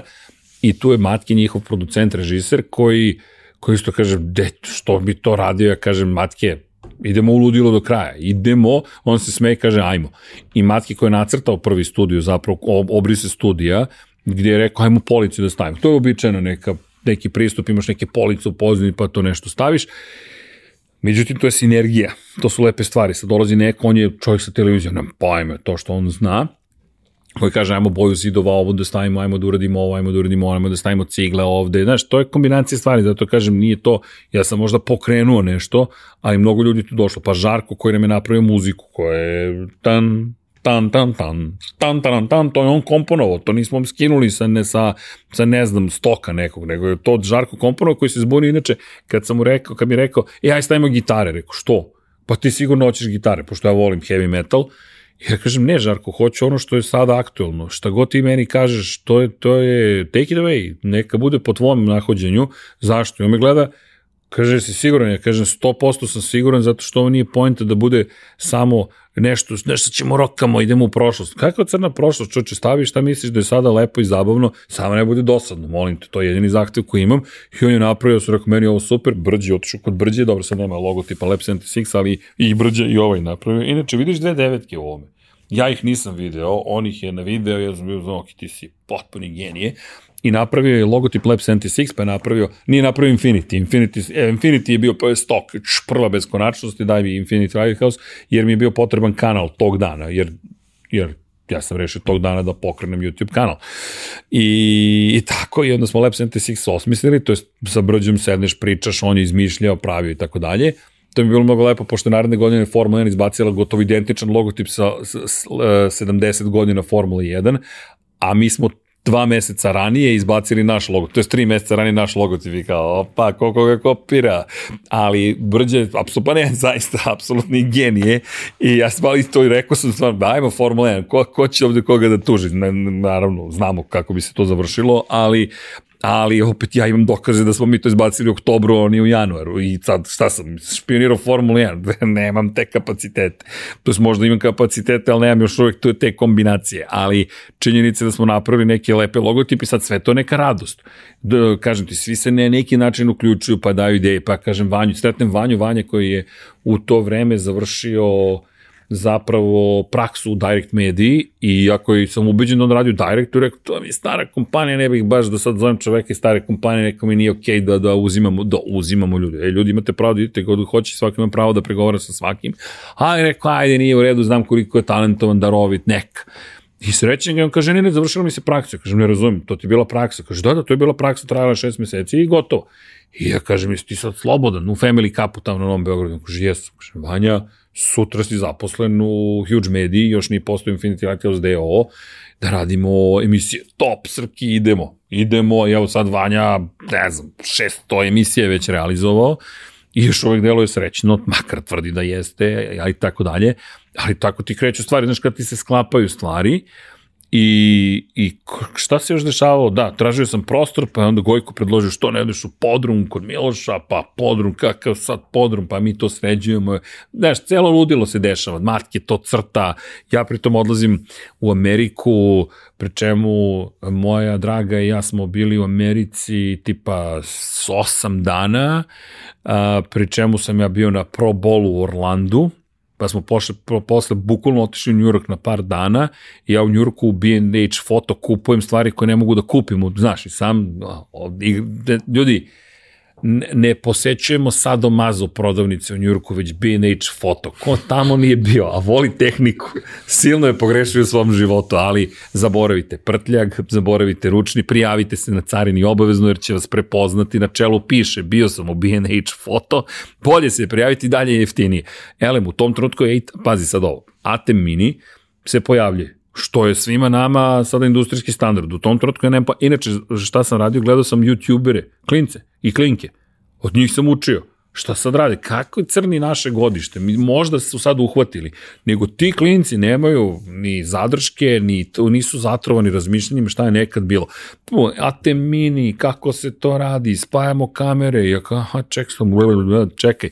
Dakle, ja sad ne moram ni da montiram više, nego ja mogu da gurnem u jedan uređaj, ko ne znam ni kako se zove, jel te switcher, u switcher gurnem više ulaza, ja sad switchem, ja, pa to mi rešava da ne moram da se bavim montažom apropo priče o montaži, ko će sada da montira kuku, vjerojatno montirate, je li tako? Pozdrav za montažera. Ali mislim imamo i real time ako treba. Imamo ne, ne, pa ne, ne, ne mislim da nemate, nego samo hoću da kažem sad ovo će neko će da se igra sad s ovim kadar, ovaj kadar, ona ima da seče kiflu e, i to sad ljudima koji znaju to ide brzo, ali ja sam bio znači, čekaj mi ovo, ajmo mi ovo i mi smo radili suštinski fake live, to je real live i Vanja koji je na switcheru i radiš i sad ti možeš i da programiraš switcher i tada, ali da sad ne odem predaleko. Point je da ti odjednom imaš opciju sada sve te svoje kamere da spojiš u jedan televizijski sistem produkcije. Jer ti sad odjednom gubiš kompletan postprodukciju, si, o, si ukinuo praktično, radiš ozbiljnu preprodukciju i ozbiljnu produkciju i ti to dobiješ kao gotov proizvod, staviš uvodnu sekvencu, staviš intro, outro i spremno je za YouTube. Kroz OBS, koji smo opet naučili, ti sad ubacuješ neke druge stvari, uh, mo, ne znam, ne znam da li je ovo zanimljiva priča uopšte nekom, ja, ja, ja, to tako je bilo, bukvalno mi smo tako to radili i sa AT Minim ja koji, jel te, donosim iz Njujorka, otprilike mi imamo sad opciju da nešto radimo.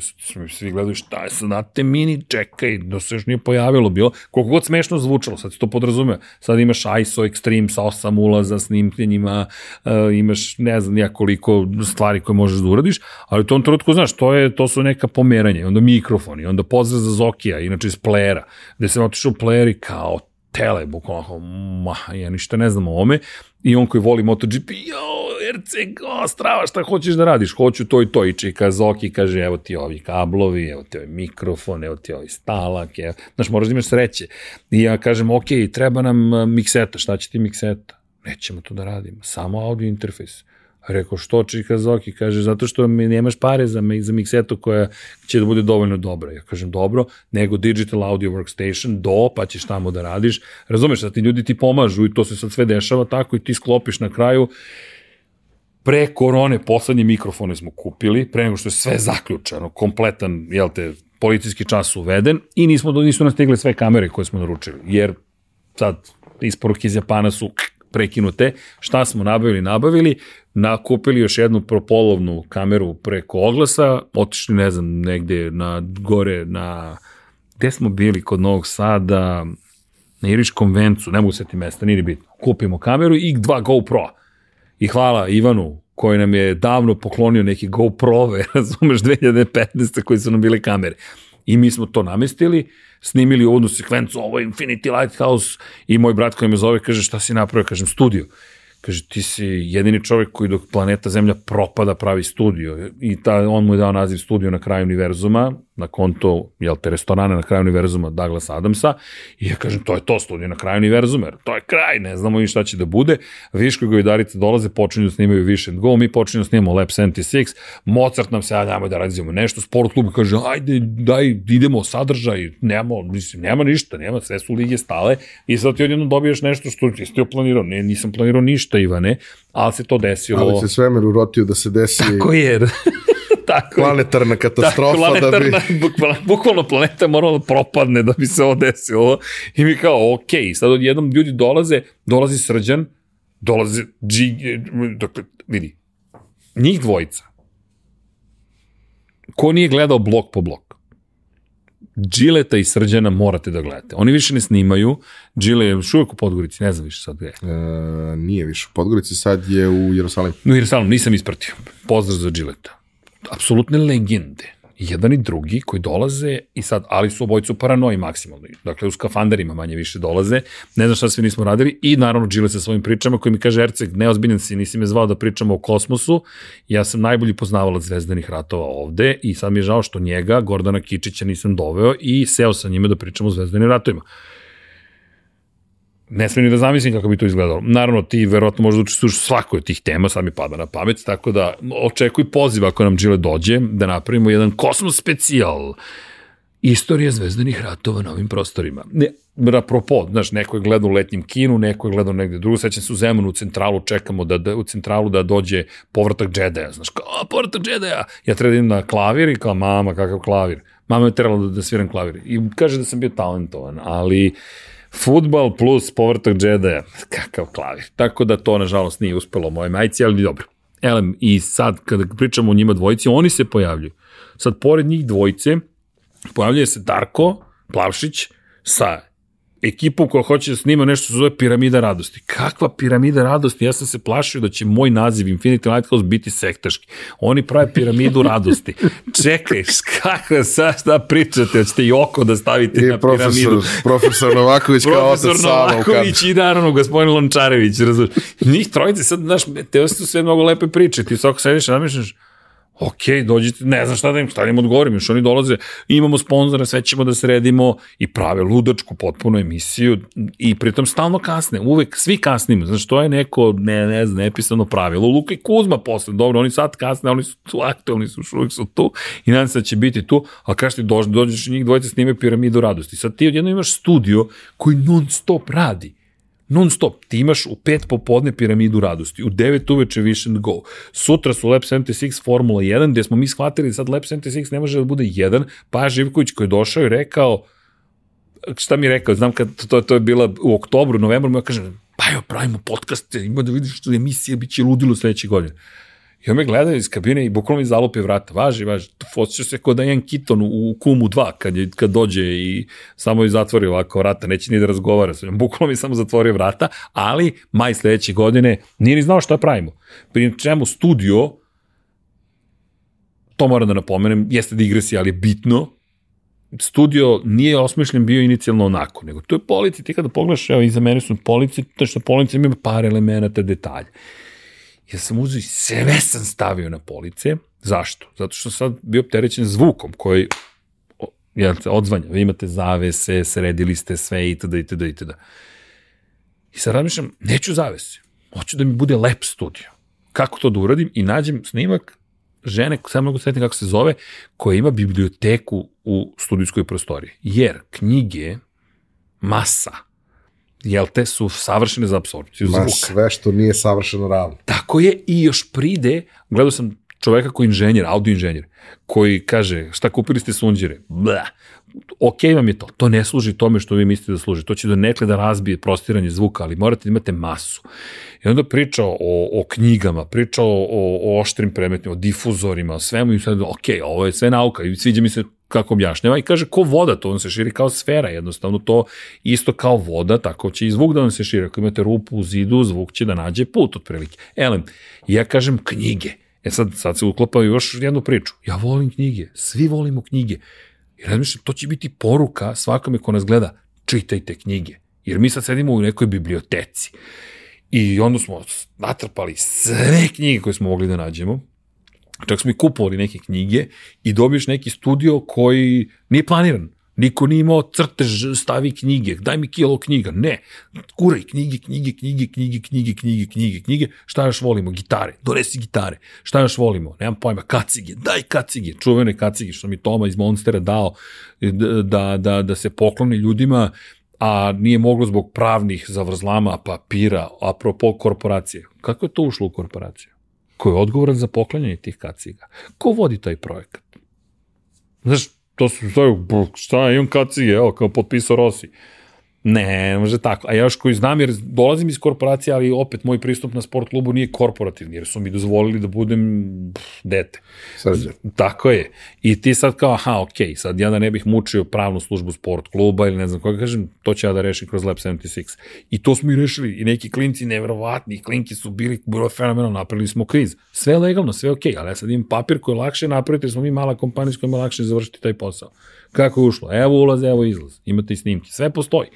Ali sad, znaš, to ti je, mi smo startup zvanično, sad će, mada sad zvanično već dve godine, o, pravnog postojanja, e, ko želi da bude sponsor, javite se. Neću sad da zlopotrebljam situaciju, ali potražite nas. Elem, šta je pojenta? Mi sada imamo studio koji izgleda tako kako izgleda. Tu su knjige, Vodič kroz galaksiju, Arthur Clarke, Isaac Asimov, Heinlein. Mi ubacujemo sve što možemo, monografije, ludila, skuplja se neka ekipa i mi da, inače, podršku sa svih strana dobijem, pri čemu i, i, i, i, i, i moja luda draga koja je u fazonu, radiš šta god šta sad radi čovječe, ne znam šta ja ne mogu ti pomognem. I što je pozitivno jer jel te, ne uništavaš privatni život. Mislim, možda sam ga i uništio, nemam pojma, ali nikad ga nisam ni imao u suštini. Jer, pa da, to je, sa mnom je to uvek tako. I pa je, izvinjam se, ali to jeste tako. Ti imaš situaciju da jednostavno, znaš, meni su to osnovi. I šta ćeš to, to je, ima prednost, ima mane, sve, svako ima svoje. I u svakom slučaju sad svi su tu, svi nešto donose, doprinose, svi nešto rade, svi se bavimo time i pojavljaju se sve više ljudi koji evo ti knjiga, evo ti maketa, evo ti zastava, evo ti dres, gledalci nam počinju da šalju stvari, što ti je najlepša stvar na svetu, ti tu emociju ne možeš da kupiš, niti smo mi želi da je kupimo, apropo Paje koji je došao u maju i ulazi ovako, ti si ozbiljan, A rek, ja rekao, jesam, Pajo. I Paja kako je seo za sto, hvala mu, nije više ustao od stola u suštini. I tako je nastao Lab 76. Jer možda sam ja osmišljavao neke stvari, ali nisam ja taj koji je Lab 76 napravio. To smo ga napravili zajedno. Znaš, to ne možeš da napraviš sam i meni je mnogo drago zbog toga. Inače, namjerno nisam hteo ništa da se zove po meni ili bilo što slično, jer nije to cilj. Nije pojenta da se zove Srđanovo X, Y, Z, G, H. Ne. Mi smo ili nešto stvorili veće od samih sebe ili ne, to je moje viđenje stvari. Sve svi se mi ložimo na Joe Rogan. Ja, Joe Rogan, volim ja da budem u centru pažnje, volim da budem pred mikrofonom, da se paljem. Ali sam razmišljao, to je loše. Ne, zašto bi, zašto bi nekom gurao samog sebe, dovoljno što, dobro, 99 yardi nastavno na tome, na osnovu toga 99 yardi, fali ti jedan yard. Naš četvorica, Miksa, Jimmy, Vanja i ja smo jedan yard. Mi ti dajemo touchdown. Jer kad slušaš nas, ti poentiraš. To je, to je koncept sa 99 yardi, koji sad ima neki svoj život, ko zna kome šta to znači. Nije da smo napisali, mi smo još jedan yard. U početku smo pričali, umorali se, kao popusti sad taj jedan yard, dajmo mi da pričamo o NFL-u.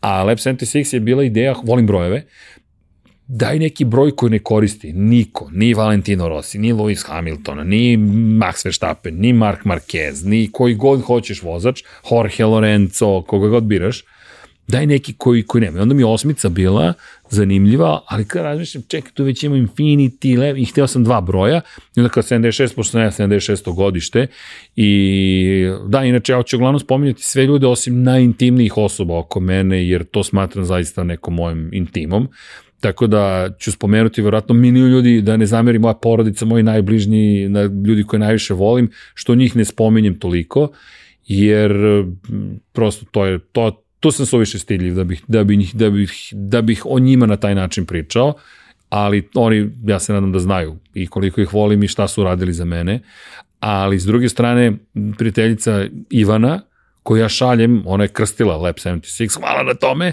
ja kažem 8 ili 76, 76, kada ok, 76, i mi idemo sa 76, na primjer, to ti je dovoljan hak s moje strane da imamo nešto. Moram da promenim samo Kosmos 76, ne volim da ponovim 76, sada razmišljam Kosmos 58, to je, to je, to je moje mami da, da dam omaž, što bi se reklo, pošto ona, dete je se jedno rodilo 5. decembra, drugo 8. oktobra, razumeš, pa 58 ona žena nosi, Ima veze i sa Markom Simončelijem, što je to njegov broj bio, ali ok, to je neki sad hak i to, to ću možda da promenim, ali koncept je bio to, pravimo neku emisiju. Onda Paja kad je došao, i ja sad zovem goste, kažem ti koncipirano gostima, i onda pozovem Dejana Potkonjak. I deki koji dođe, ja kažem, kakav car, znam, ja volim deke, mi smo prijatelji milijon godina, i ja ga pitam posle nedelje ponovo, a hoćeš ponovo da dođeš? A hoćeš ponovo da dođeš? I prevario se, stalno dolazi i tako smo posle došli do izdavaštva, čisto nema, nije plan, nisam napravio plan, meni to nije biznis plan. Ja sam samo hteo posle operacije da živim nešto što mi se živi. I sad, da se razumemo, to je kolektivno ludilo. Jer nisam ja jedini Inače, ne volim da koristim taj termin da ne bih uvredio nekoga ko je eventualno prolazio kroz neke teške situacije kada je reč o, o, o psihi. Sad ću ovde da ubacim jednu mini pauzu po tom pitanju. Ivane, ja ne znam da sam tebi pričali kome sam pričao. Ja sam imao dane kada smo pravili huge mediju, verujem mi, plakao sam samo u kolima na parkingu. Sedim i ne mogu više. Znaš, slušam Denisa Rodmana koji je otišao korak dalje, koji je hteo sebi da okonča život. Nemojte to da radite. Uvijek ima neko ko vas voli, uvijek ima neko kome možete da se javite, znam da može biti užasno teško, verujte, to što se nas dvojica pojavljamo pred kamerama i pričamo, ne znači da nismo prošli teške stvari. Niko ne voli o tome da pričam, ja ću, ako mi, ne, ako mi dozvoliš da upotrebim ovu situaciju, da kažem ljudima, svi smo mi samo ljudi. I mnogo smo svi jedni slučajni drugima nego što mislite, ako mislite tako, ja znam koliko puta sam prošao kroz zagor, nikad nisam pomišljao da okončam sebi život ili nešto, nešto suviše sam sebičan, pretpostavljam, ili samo zaljubljen, ali sam hteo da, da, da ga toliko promenim, da, da samo se spakujem i odem negdje da niko ne zna za mene ali sam rekao ajde da se suočimo sa tim koliko god bilo teško. I ugojio sam se i imao probleme sa visokim pritiskom i operacije i ludila i zapustio sebe. Ne bih ja išao na operaciju da se nisam zapustio. To dolazi od psihičkog zdravlja pre svega manjak sna, agresija, ludilo, znaš, to se sve skupi negde, izvinjam se, ali udario se mikrofon za one koji slušaju, dakle, pojente u tome da sećam se tog momenta kada sedim u kolima i ja ne mogu više. Ne mogu više da podnesem taj pritisak. Da li će biti para za plate? Da li je klijent zadovoljan? Da li ćemo dobiti produženje ugovora? Da li ćemo moći da platimo zato što likvidnost je takva kakva jeste? E, da li sam pogrešno postupio tako što sam prvi put kritikovao nekoga koji je zaposlen? Da li, sam, da li moram da otpustim nekoga? E, da li mogu da vratim dugove u koje sam ja na ličnom nivou ušao zato što verujem u huge mediju i nema ko da investira u nas, jer niko ne veruje u nas. Svi su u ono, ma ko ste vi? Niko ne veruje, ja verujem, i, i, ali to ima cenu, to ima ogromnu cenu. Spominjali smo prošli put, zaboravite svoje voljene na dva, dve godine, otprilike kada postanu preduzetnici. Ali ja sam imao te epizode kada ja ne mogu više. Raspadam se, ne mogu više. Ali šta sad, ti nabaciš osmeh sutra i igranka, show must go on, ali bih da stvarno da to spomenemo, pričajte s nekim. Zaista, nažalost, imali smo imali smo, iako to niko ne voli da priča, ali baš grozne situacije kroz živote. Gubili smo i voljene koji su, nažalost, oduzimali sebi život. Spomenju sam to u našim emisijama. Nemojte, nemojte. Idite, slušajte pojačalo, vrtite svih 200 emisija. Bukvalno. Ne, ako, ako vam je dosadno i dalje imate nekog ko može da vas nauči nečemu, da vas zabavi, ja se nadam, slušajte 99 yardi, Lab 76, nemam pojma, nađite ga, Agila slušajte, gledajte podcaste, čitajte knjige, prošetajte se, čak i ako ste potpuno sami, negde neko čeka i vi nekog čekate. Ne odustajte, to je sve što ja mogu da vam kažem, jer imamo jedan život, ako ih imamo više, super, ali ne bih da otkrivam to.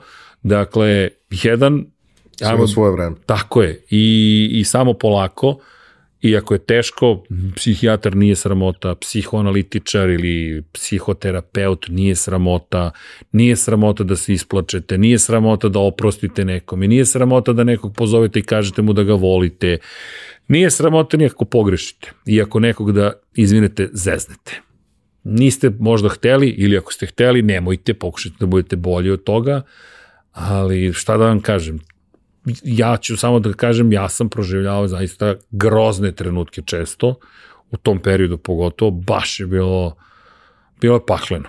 Bilo je zaista pakleno. Baš, baš, bi, baš bi bilo teško da, sam, da se probudim ujutro. Probudim se i razmišljam koliko još dugova imam da vratim.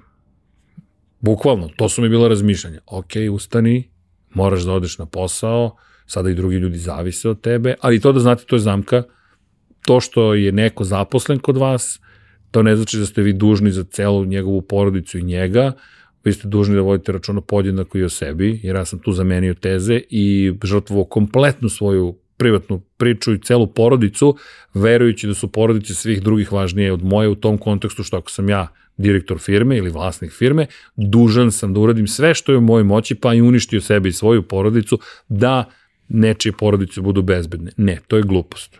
Vidi, ne slažem se. Dobro. Ali, ja tu često koristim poređenje, nedavno sam imao razgovor sa vrlo bliskom prijateljicom koja sad prolazi kroz onako prilično neke teške momente, razvod i sve što uz to ide, a mora da vodi računa o, o, o klincu i tako dalje. I sad, kao, ono, nisam stigla da spavam, ovo, ono, ok, možeš da izguraš dan, dva, ok, tri, ali nakon ta dva, tri, moraš da se To će biti oporaviš to. dan, dva, tri, pa možeš ponovo možda nekad da, ali ne može to da ti postane modus operandi. Ja kao, pa nije, pa ne razumeš, pa ovo ponovo. Ko, aj samo jedan primer da iskoristim, ja sam poznat po metaforama koje su često besmislene i ovaj, neadekvatne, ali meni imaju logiku. Kad pada avion, Dobro. prvo staviš sebi, pa bebi. A, aha, sad te razumem, mislim, ne slažeš se sa mojim pristupom. Ne slažem se sa tim, znači, ono, ukoliko razviješ nešto što treba da nadživi tebe i sve ostalo, svi ti ljudi u malom sistemu naročito su ekstremno važni. O, hoćeš da Ali kažeš tek ukoliko kad sam uništiš shvatio- sebe- Pa to, to, to. Ja sam na kraju rekao da je to zapravo glupost što sam radio. Ne, ali ono, Dobro, sad te razumem. Zbunio si me. mora da ti bude mnogo stalo. Moraš da se mnogo cimaš. Samo ne previše. A, pa to, ne smeš da žrtvuješ sebe i svoju porodicu. No, što, što, Jer onda kao, je šta sve nestalo. Šta je tvoja životna fi- filozofija? Pa- Preserve life at all costs. A, da, da, da, da, da, da, razumem te, ne, Vrlo si mi prosto. bio, jer moj pristup jeste upravo to sada. Jeste, nego kako si to frezovo kao nije to vaš problem, nije to... Jeste, jeste, jeste, jeste. Sve Ne, ne, ne, je to ne, vaš ne, ne, problem. ne, ne, ne. Samo Ne, ne, ne, ne mislim da Ako nije u procesu- Ne, ne, ne, ne, ne, nisam se ono dobro izrazio. Nije to da to nije vaša obaveza ili vaša obaveza da... Vaša obaveza nije porodica drugih. Vaša obaveza je ona osoba s kojom ste vi postigli dogovor. To je moje mišljenje. To je vaša obaveza. Isto tako je obaveza te osobe da vodi računa o svojoj porodici. To sam imao razgovor sa zaposlenim koji mi došao i rekao, znaš, moj sin zavisi od tebe. Ja sam to stvarno shvatio tako. I godinu dana sam razmišljao o tome. I onda sam shvatio, ne, tvoj sin zavisi od tebe. A možda ti zavisiš od mene, ali svakako ne smeš da mi daš obavezu da ja mislim o tvom sinu na taj način. osim ja moram... ukoliko si ne, ne gleda podcast. Dobro, to je sad druga stvar, ali nadam se. Ali pojenta je, ja moram da povedem računa o dogovoru koji smo postigli. Ali sam razmišljao da je taj dogovor važniji od onoga što sam ja i moja porodica. Samo hoću da kažem, mm, poenta, i hvala ti na tome, to je mnogo opasno da kažem da nije obaveza. Apsolutno je moja obaveza da povedem računa o svima u firmi i da se potrudim da svi budu kako treba, ali ne po cenu toga da ja prestanem da postojim, jer on kada sam prestao da postojim, bukvalno, ja više nisam znao ni ko sam, ni šta sam, ni kako funkcionišem, ni gde idem, ni zašto. Znaš šta me spasilo? MotoGP i sport klub. Vidi, ja stvarno verujem u to da je ono, empatija izuzetno važna ukoliko želiš da izgradiš nešto na nekim dobrim vrednostima i na, na duge staze i tako dalje, ali činjenica jeste da, da ono, često može da nam se desi da uh, to stavljanje sebe u drugi plan zarad nekog drugog je u redu na kratko kada je Samo neko u prioritetu. Tako je. Ali ukoliko to postane modus operandi, To ne ti sme da je onda izgubiš sebe. Tako je. Jer vidi, meni se dešavalo i druga stvar, empatija mora da bude obostrana.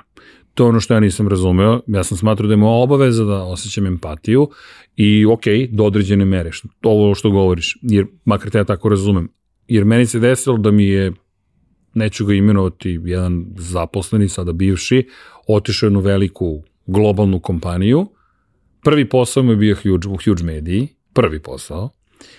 I mi smo tada i Nikola i Ivan i ja sebi davali najmanje plate, po zakonu najmanje moguće plate, jer smo smatrali da treba novac koji zaradimo da odvojimo za novog zaposlenog ili za povišice zaposlenih. Posle sam saznao da je mnogo njih verovalo zapravo da mi ne znam šta radimo s parama. Nisu nikad vodili kompaniju, ali ok, negde smo i mi možda loše komunicirali. Međutim, uvek mislim da, znaš kako, kad nešto želiš da veruješ, verovaćeš. I momak je došao i rekao mi kada je odlazio, ja tebe srđane ne mogu ni da poštujem, ti imaš manju platu od mene. Ja razmišljam, ok, da, da prostiš jedan poveći, jedan poveći, jel te, mi je ostavio jednu gomilu na glavu i razmišljam gde sam pogrešio. Ovo je čovjek koji je izašao sa fakulteta, koji nije imao nikada posao, nije mogao da se zaposli jer kvaka 22. Da bismo vas uopšte razmotrili za posao, morate da imate radno iskustvo. Kako da ga steknem ako niko neće da me razmotri za radno iskustvo. I onda imaš jednu Huge Mediju, ja sam preponosan na, na celu ekipu Huge Medije koja je vodila Huge Mediju. Jeste, obdanište. Obdanište. I ti sada kažeš, dođite u Huge Mediju, mi ćemo vam dati radno iskustvo. I ja znam da će ti ljudi otići i sve je to okej, okay, ali kada odlaziš, ti odlaziš i meni kažeš manje više, ti si ne znam ni šta da je to uvreda ili nije, mene to rastužilo i razmišljam, čekaj, pa je li ovaj čovjek zaslužio uopšte ovo što je dobio? Ili je trebalo neko drugo dete da angažujem i da mu dam neku šansu da ode negde i da kaže, e, hvala, Ništa drugo, ne tražim ja pare i ne znam šta da mi dugu, niko meni dugo ništa, svako je zaradio svoj novac. Kao što mnoga druga deca koji su otišla negde i dan danas pričaju o tome kako im je Huge bio najvažniji i kako su prilike koje su dobili Tako je. za njih bile I, neverovatne. Apropo, ima jedan baš momak koji često to spominje, ako mislimo na istu osobu i uvek me hvali, meni je neprijatno koliko me hvali. Razli to spominje. Tako je, ali pojenta je na kraju dana, daješ mi šlagvort moj ideji, ti jedna lasta ne čini proleće ili ti uvijek će biti nekoga ko, ko će postupiti tako. To govori više o tom čoveku, ne govori o sistemu i ne govori o tome da napravimo grešku koju često vlasti, tirani rade i oni to zlupotrebljavaju. Jedna osoba, ne znam, je parkirala pogrešno, sad ćemo svima da zabranimo nešto. Ne, kazni tu osobu. To jest, u ovom slučaju, ako si dobar menadžer, direktor, šta god da si, zadatak ti je da razumeš osobu preko puta, da kažeš čekaj, osoba Da li baš deli iste vrednosti? Možda i ne. To ne znači da nije koristan član određenog organiza, određene organizacije ili sistema, ali isto tako moraš da razumeš da ta osoba će zloupotrebiti tvoju empatičnost ili tvoju dodatnu posvećenost i da ne zaslužuje to, da nije potrebna. Teško je to prepoznati, sad mi je malo lakše, ali isto tako mi smo uvek bili male firme, mi maksimalno smo imali 25 zaposlenih. Meni to kada sam počeo 25 zaposlenih, o, znaš šta je to? Jer ti za to moraš da praviš profit od preko 50.000 evra mesečno. Ko će to da napravi, Ivane? Dok ne počneš da ga praviš i kažeš, to ti je svakodnevnica odjednom. I ti sad ne znaš kako si došao od tih čuvenih 50.000 ili 100.000 ili čega god, jer to je sad sve potrošeno već. To je išlo, to je otišlo negde drugde, ali nije tome pojenta. Pojenta je da su tu i dalje male kompanije. Nikad nisam vodio sistem od 5000 ljudi, ja nemam pojma kako to izgleda, stvarno ne znam. Ja sam radio u nekim kompanijama koje su bile od 50 do 100 i u konkretnu Directu to baš bila korporativna atmosfera, ali to je, na, nastajala je tokom godina, ali je pojenta u tome da apropo empatičnosti, psihičkog zdravlja, ni to ne možeš da gledaš toliko lično. Na kraju dana to je posao, to postane na trenutku posao. E sad, to, to je meni jedna od težih epizoda bila. Zaista je bilo teško. Ja se nisam doći dobro u svojoj koži. Apropo mog mentalnog zdravlja. I mi smo ljudi. Ja ne znam da li drugi direktori ili vlasnici kompanija su ovakvi ili onakvi. Ili ja znam kakav sam ja i kakva ekipa koja je tada radila u Huge Mediji i koje smo prilike pružali ljudima. Mi ja se sećam, kažem, ajde sad da ne imenujem, dva momka su, jedan momak je bio čovek koji nije mogo da se zaposli, pa sad ovo zato što ima ličnu kartu iz Prištine. Neće da ga zaposle u Beogradu. Neće da ga zaposle u Beogradu. To, to nije šala, to je 2009. 10. i on dolazi na razgovor za posao i kaže, znaš, mene niko neće da zaposli, moraš da znaš da ja imam ličnu kartu iz Prištine. Baš me briga. Možda imaš i skin šase, možda imaš... Jel imaš IMBG? Jel, ma, ma, ne mogu ja tebe zakonski da zaposlim, možeš. Mi smo ga zaposlili. I kraj priče, ne, ne znam ni šta bih pričao. Posle smo se razmišljali, on je isto tako im rekao obeđenje da mi ne znam šta radimo, nije ni bitno. Posle on napravio svoju kompaniju, pa je posle dve godine agonije došao i rekao, izvini, Jer teško je ako nisi u tim toj koži, lako je osuditi, pri čemu on čovjek jedan redkih koji je došao i rekao, je, vidi, nisam znao da je ovo veliko teško. Jeste. Pogotovo Republika Srbija nije baš mesto koje je milosrdno prema preduzetnicima, mi smo zasnovani u državnom sektoru u velikoj meri na jednostavno nečemu što je specifičan sistem, ajde da, da, da, da ga potrebim taj termin, ali to je sad neka druga priča. S druge strane, on nije imao, nije imao svoj stan u Beogradu i jedan momak koji iz Sombora, koji takođe hoće da radi, ali nema, nema, nema ga. Mi smo iznajmili stan za njih. Znaš, nama je to bio koncept, čekaj, ovim ljudima je potreban krov nad glavom, ajmo da iznajmimo stan. Neka žive tu. Njih dvojica zajedno, jer te na taj način rešaš mnogo stvari. Prvo, ja, mi smo stvarno polazili od toga, to je humano, čekaj, neki ljudi treba negde da žive, da, da spavaju, pa da nema malo humanosti u, na ovoj planeti. Konkretno, u to vreme u, u, u, na kauču je spavao jedan od njih, kod, kod mene u mojoj porodici na, na, na, na, u dnevnoj sobi pokušavaš da pomogneš, znaš, to su neke stvari gde imamo opet priča iz Formula 1 i MotoGP-a, gde su vlasnici timova, vozač nema sredstava ili mogućnosti ili čega god, spavaj kod mene.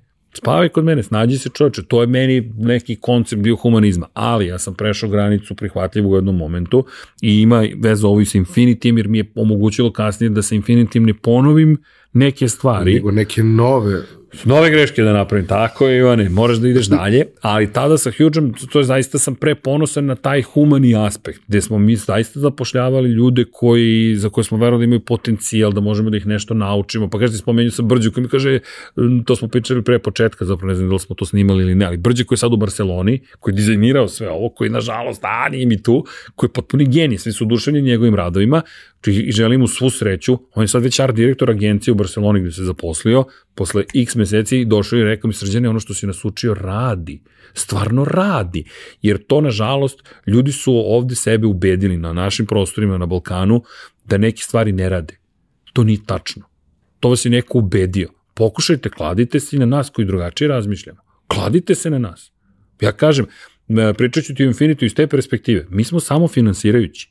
To hoću da pričamo, mislim, hoću Što da mi zaključak razgovora o Infinityu bude to Doći. kako iz tvog ludila, Jel stihije i svega, kada se konačno stvari slegnu i dođu na neku, naprave se struktura, makar pa na silu, jer mora da se napravi na silu, jer kada moraš. ima previše nečega, moraš da se organizuješ. Moraš. E, izvini, to me Huge naučio, jer kažem ti, to je sad učenje, znaš, Huge šta je sve ponudio i ja se sad izvini što lupkam, podsjetio sam se Pre par dana sam se podsjetio toga i razmišljam, čekaj malo, nemoj da zaboriš dobre lekcije.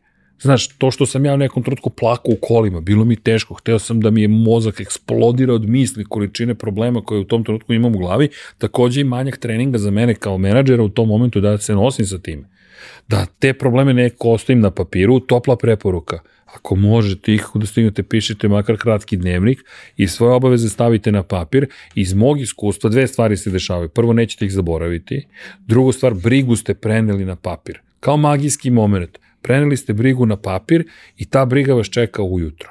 Možete da je ostavite, dodate da spavate. Nije vam u glavi. I probudiš da, da. se, manje je u glavi, manje, manje sanjaš probleme, ali to se dešava.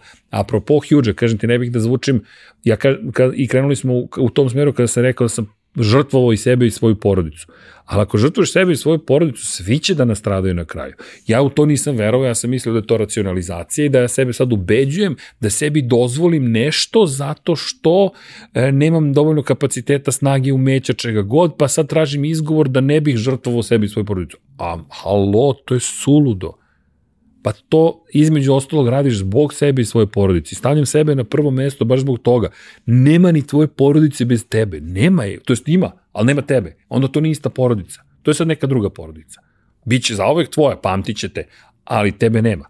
I to, to je isto bilo. Dobro, mislim, znaš, svi smo nekako u, ili u vrlo mladom uzrastu ili u naponu snage ulazili u te priče i činjenica je da ti u tom periodu možeš da izdržiš dosta više, više nego što je normalno. Više. I nekad treba. Nekad ali treba. nekad i ne treba. Ali ne stavno. Znaš, ne može to da bude... Zvani, kad si napravio prvu firmu? Pa, ako pričamo o tome kad je formalno registrovana... Kako god hoćeš, ali kada, pa, je, kada je registrovana? Registrovana je sa 23, a e, realno koje, koje je nastala 2007, a realno je nastala 2002. Znaš koje godine danas? Znam, znam. 2023. Baš smo konstatovali Samo u prethodnom kažem, podcastu da. kako 2003. godina je bila tek tako nedavno, ne znam kad prođe ovih 20, Mm. ali dobro. Hoću da ti kažem, 21 godinu si u tome, Čoveče, sedeli smo na terasi Huge-a, gledali u Kalemegdan i planirali moje veliko putovanje na olimpijske igre u London i posle toga na Unitedovu utakmicu. To je bilo pre 11 godina. Tako je, Ivane. Dete koje se rodilo stad je naše visine. Tako je. Hoću da ti kažem, bebe su sada tinejdžeri i tinejdžerke. Znaš, to su stvari koje su, kad se desilo? Ja ne znam. Ne znam kad se desilo. Ne znam, ali, ali to ti upravo govorim. Ti si od 2007. čoveče formalno preduzetnik. Mislim, si od 2007. mene- prodao firmu. Apropo, pazi sad ovo, pazi sad ovo. Ti si, to tad koliko imaš godina? 22. 22. Ti od mene mlađi 9 godina. Ja u tom momentu tek planiram da pravim firmu. Jel razumeš? Znači, mi smo uh, u, u, u nečemu što je naš život, a mi tripamo da smo ušli u nešto. Ne, to su naši životi. To je tvoj život 21 godinu, ja radim 28 godina već, od 95. godine, ali sam preduzetnik, manje nego što je vremena prošlo kad si ti osnovu firmu i prodaju, by the way. Čisto da stavimo stvari u neku perspektivu. I ti, to, je, to je život. To je ceo život. I, I šta hoću da kažem? Ja, apropo priče o preduzetništvu, pristupima, koliko sebe daješ, ne daješ, više nema ni veze s godinama, moram da ti kažem. Ja sad imam 46, ove godine ću 47 godina i ja, ako gledaš, ja sam napravio startup sa 45 godina. I, I nikom ništa. Ja, ja ni ne znam da sam napravio startup. Jer kažete, ja sam samo hteo da odem da snimam priče o Formuli 1 i Moto Grand Prix, eventualno NFL-u malo o kosmosu i da sedim u svojoj kancelariji i povremeno pričam o tome. Evo nas danas, tu smo gde smo i ovo jeste ta priča. Samo sam shvatio jednu trenutku, nemoj sebe da žrtvuješ, nemoj sebe da samo uništiš potpuno. To, to je, inače, news, uh, uh, moje, moji planovi za ovu godinu je da smanjim nivo autodestrukcija, a? Se dopada moj plan. Jer i ti i ja imamo, svi preduzetnici imaju autodestruktivnu crtu imaju autodestruktivnu crtu, jer sam čin kreacije, uspeha, ambicije zaslepi. Zaslepi i ti dođeš u situaciju kad pre prođe ova godina, kad sam poslednji put bio na odmoru, kad mi je bio poslednji slobodan dan i slično, ali ok, to je sad neka druga priča, opet apropo psihičkog mentalnog zdravlja, moraš malo vodiš računa o sebi. Jel vodiš računa o sebi? Koliko mogu. Koliko mogu, čuveni odgovor bez odgovora, ali dobro, vodi računa o sebi. Jer Ajmo da se Da, da, prebacimo da, da, za da finalni neprijatno deo moje, razgovora. neprijatno moje, uspeo sam i to. Mislim, A, nije final. ping, ne, ko Ovo je zna. peto od beskonačno gostovanje. Da, da, da, pa vidi, samo apropo, jel ti stvarno, ja se iskreno nadam, ja me rado ako je ljudima zanimljivo, iskreno, baš, mi je, baš sam srećan, ali ja zaista nemam pojma da li dajemo nešto novo, da li ja dajem nešto novo i da li se čuje nešto što se nije čuo ili šta god, ili da je zanimljivo uopšte bilo kom Ti kontekstu. samo budi ti i nemoj ništa da se ja, breneš. ja sam, e, i to ove godine isto planiram, da ja uživam u onome što ja hoću i da radim šta mi se radi, jer odatle je sve krenulo. Kažem ti, ajde da se vratim ovo, Paja kad se pojavi, Deki kad se pojavi, kad su se pojavi, pa me Nina zove, kaže, Srki, da li mogu da snimam Connected by Frequency? Ma snimaj Nina, ako imaš slobodnog prostora u studiju, snimaj. Pa je došla, ne znam, e, kako se zove, ko, ko nam je bio sledeći, pa smo imali heavy metal emisiju, on je čovjek nestao negde, ali smo i to snimali, Pa smo onda snimali, pa Faške došao sa, sa, sa podcastom posvećenim Liverpoolu. Pa je rekao, Srk, ja ne mogu, ovo previše traži vremena, pozdrav za brata Faške, tak u Dogmi, koji je otišao i rekao, mora se fokusiram na Dogmu, jer odjednom shvatiš da podcast oduzima mnogo više vremena nego što izgleda. Nije samo sednem pričam, nego je čekaj malo, moram nađem gosta, moram nađem temu, moram nađem pokrivalice, moram nađem fotografiju, moram nađem informacije, moram dođem spreman i moram dođem u isto vreme kada sam publici običao svake nedelje. Kung fu. I onda Faški rekao, ozbiljno odgovorna osoba, Srki, ne mogu. Ja sam rekao, sve ok, Faške, makar znaš odmah, na vreme si znao da ne može, pa je da tu se zaustavimo. Uh, futbolski globus, uh, došli klinci sa, iz Sefe, možemo snimati, snimajte, deco, šta, šta sad, ako Vanja može da izdrži, skakat ćemo svi zajedno. Znaš, tu sad imaš milion nekih snimanja, pa ne znam, fondacije raznorazne, pa su dolaze neki klinci, pa možemo snimati za naš, ma možete, znaš koliko ljudi je tu snimalo, ja više ni ne znam šta je, a sve krenulo do, do, do, do toga što Hajmo da pričamo priče. Svi hoće da pričaju priče, to je meni, meni to mnogo lepo, mislim da smo mi... Build it and they will come. Te, bukvalno, bukvalno, samo što je u jednom trenutku bilo overwhelming, a, kako ćemo sve ovo da postignemo, ali naravno, to nam nije dovoljno. Jer, ne da nije dovoljno, Znaš, srećan si. Odjednom neko sluša to što ti pričaš, neko gleda. Inače, ne, ne, dosta je bilo p, p, saveta, nemoj da snimate duže od 25 minuta, od 48 minuta, od jednog sata, od dva sata, od sat i po, od ne znam ja šta. I moja filozofija je sledeća, i ne samo moja, mislim da se to otkriva. To mi je sad zabavno kada gledam, svi počnu sa nekim tajmingom, sat, sat i po, dva, I sad gledam najnovije epizode 3 i po, 4, 4 i po. I ja kažem, čekaj, šta se desilo s onim, nećeš duže od sat i po. E, otvorila se priča. A, otvorila se priča. Ko može da ograniči priču? Ima tu jedna stvar koju, koju ja često spominjem, Da.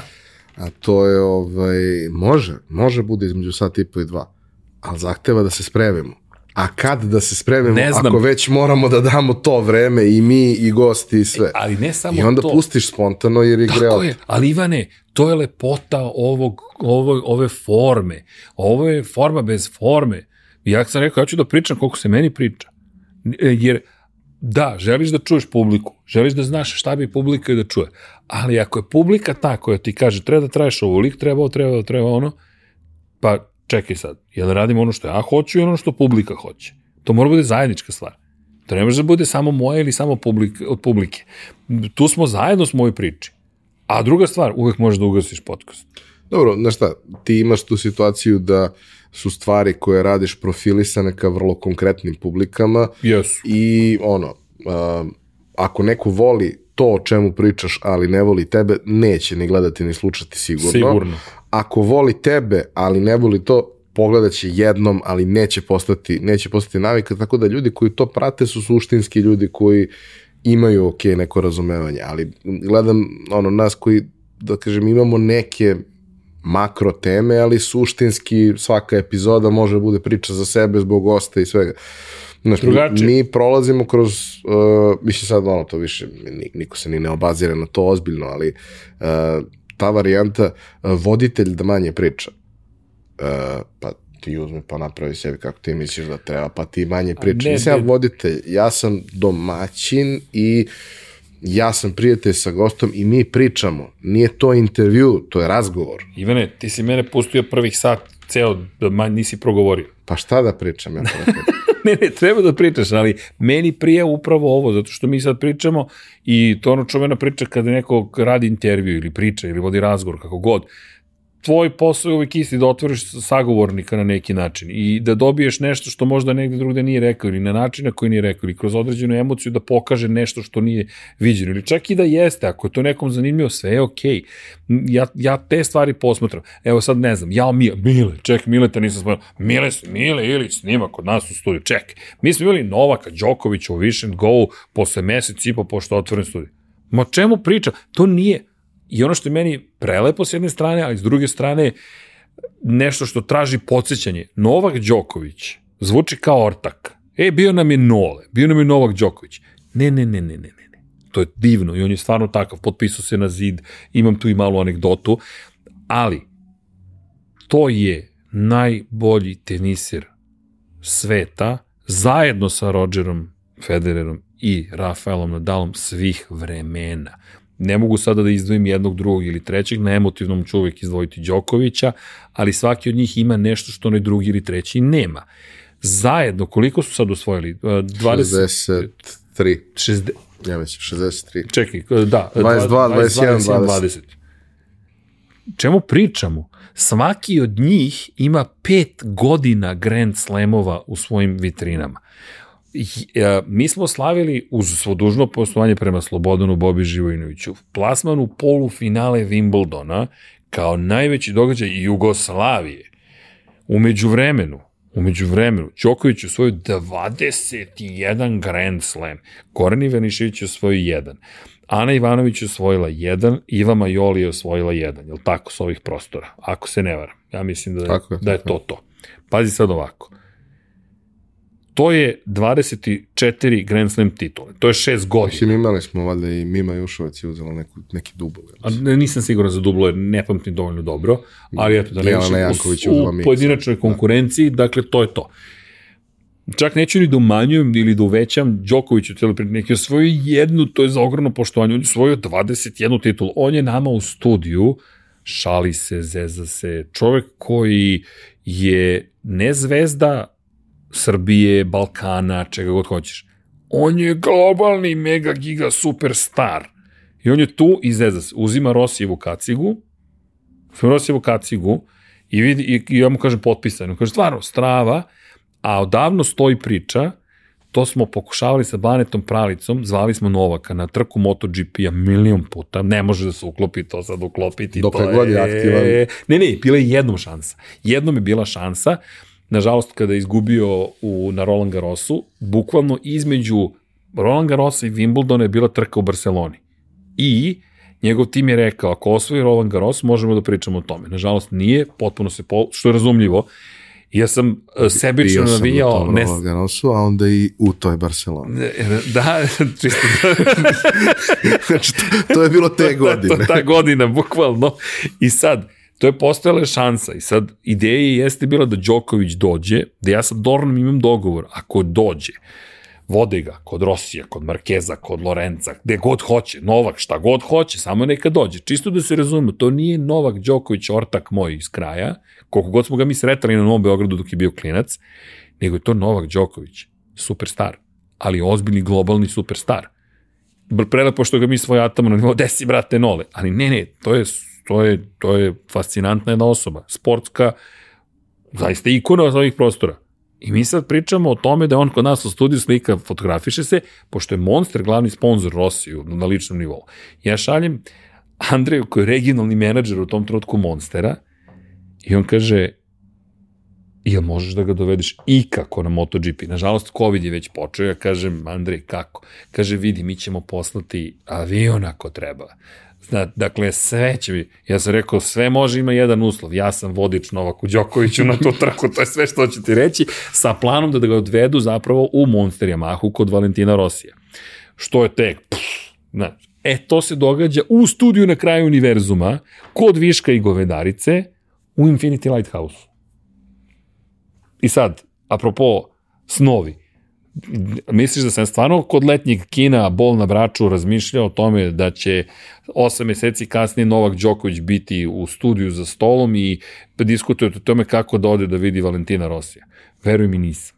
Da, sve je to rezultat milion nekih stvari, ali ta, ta sreća koju ja osjećam je nenadoknadiva, neopisiva, ne znam ni šta bih ti rekao i to je ono što želim da zadržim. Jer taj ti dečiji momenti koji se rade na jedan profesionalan način zaista su najlepša stvar.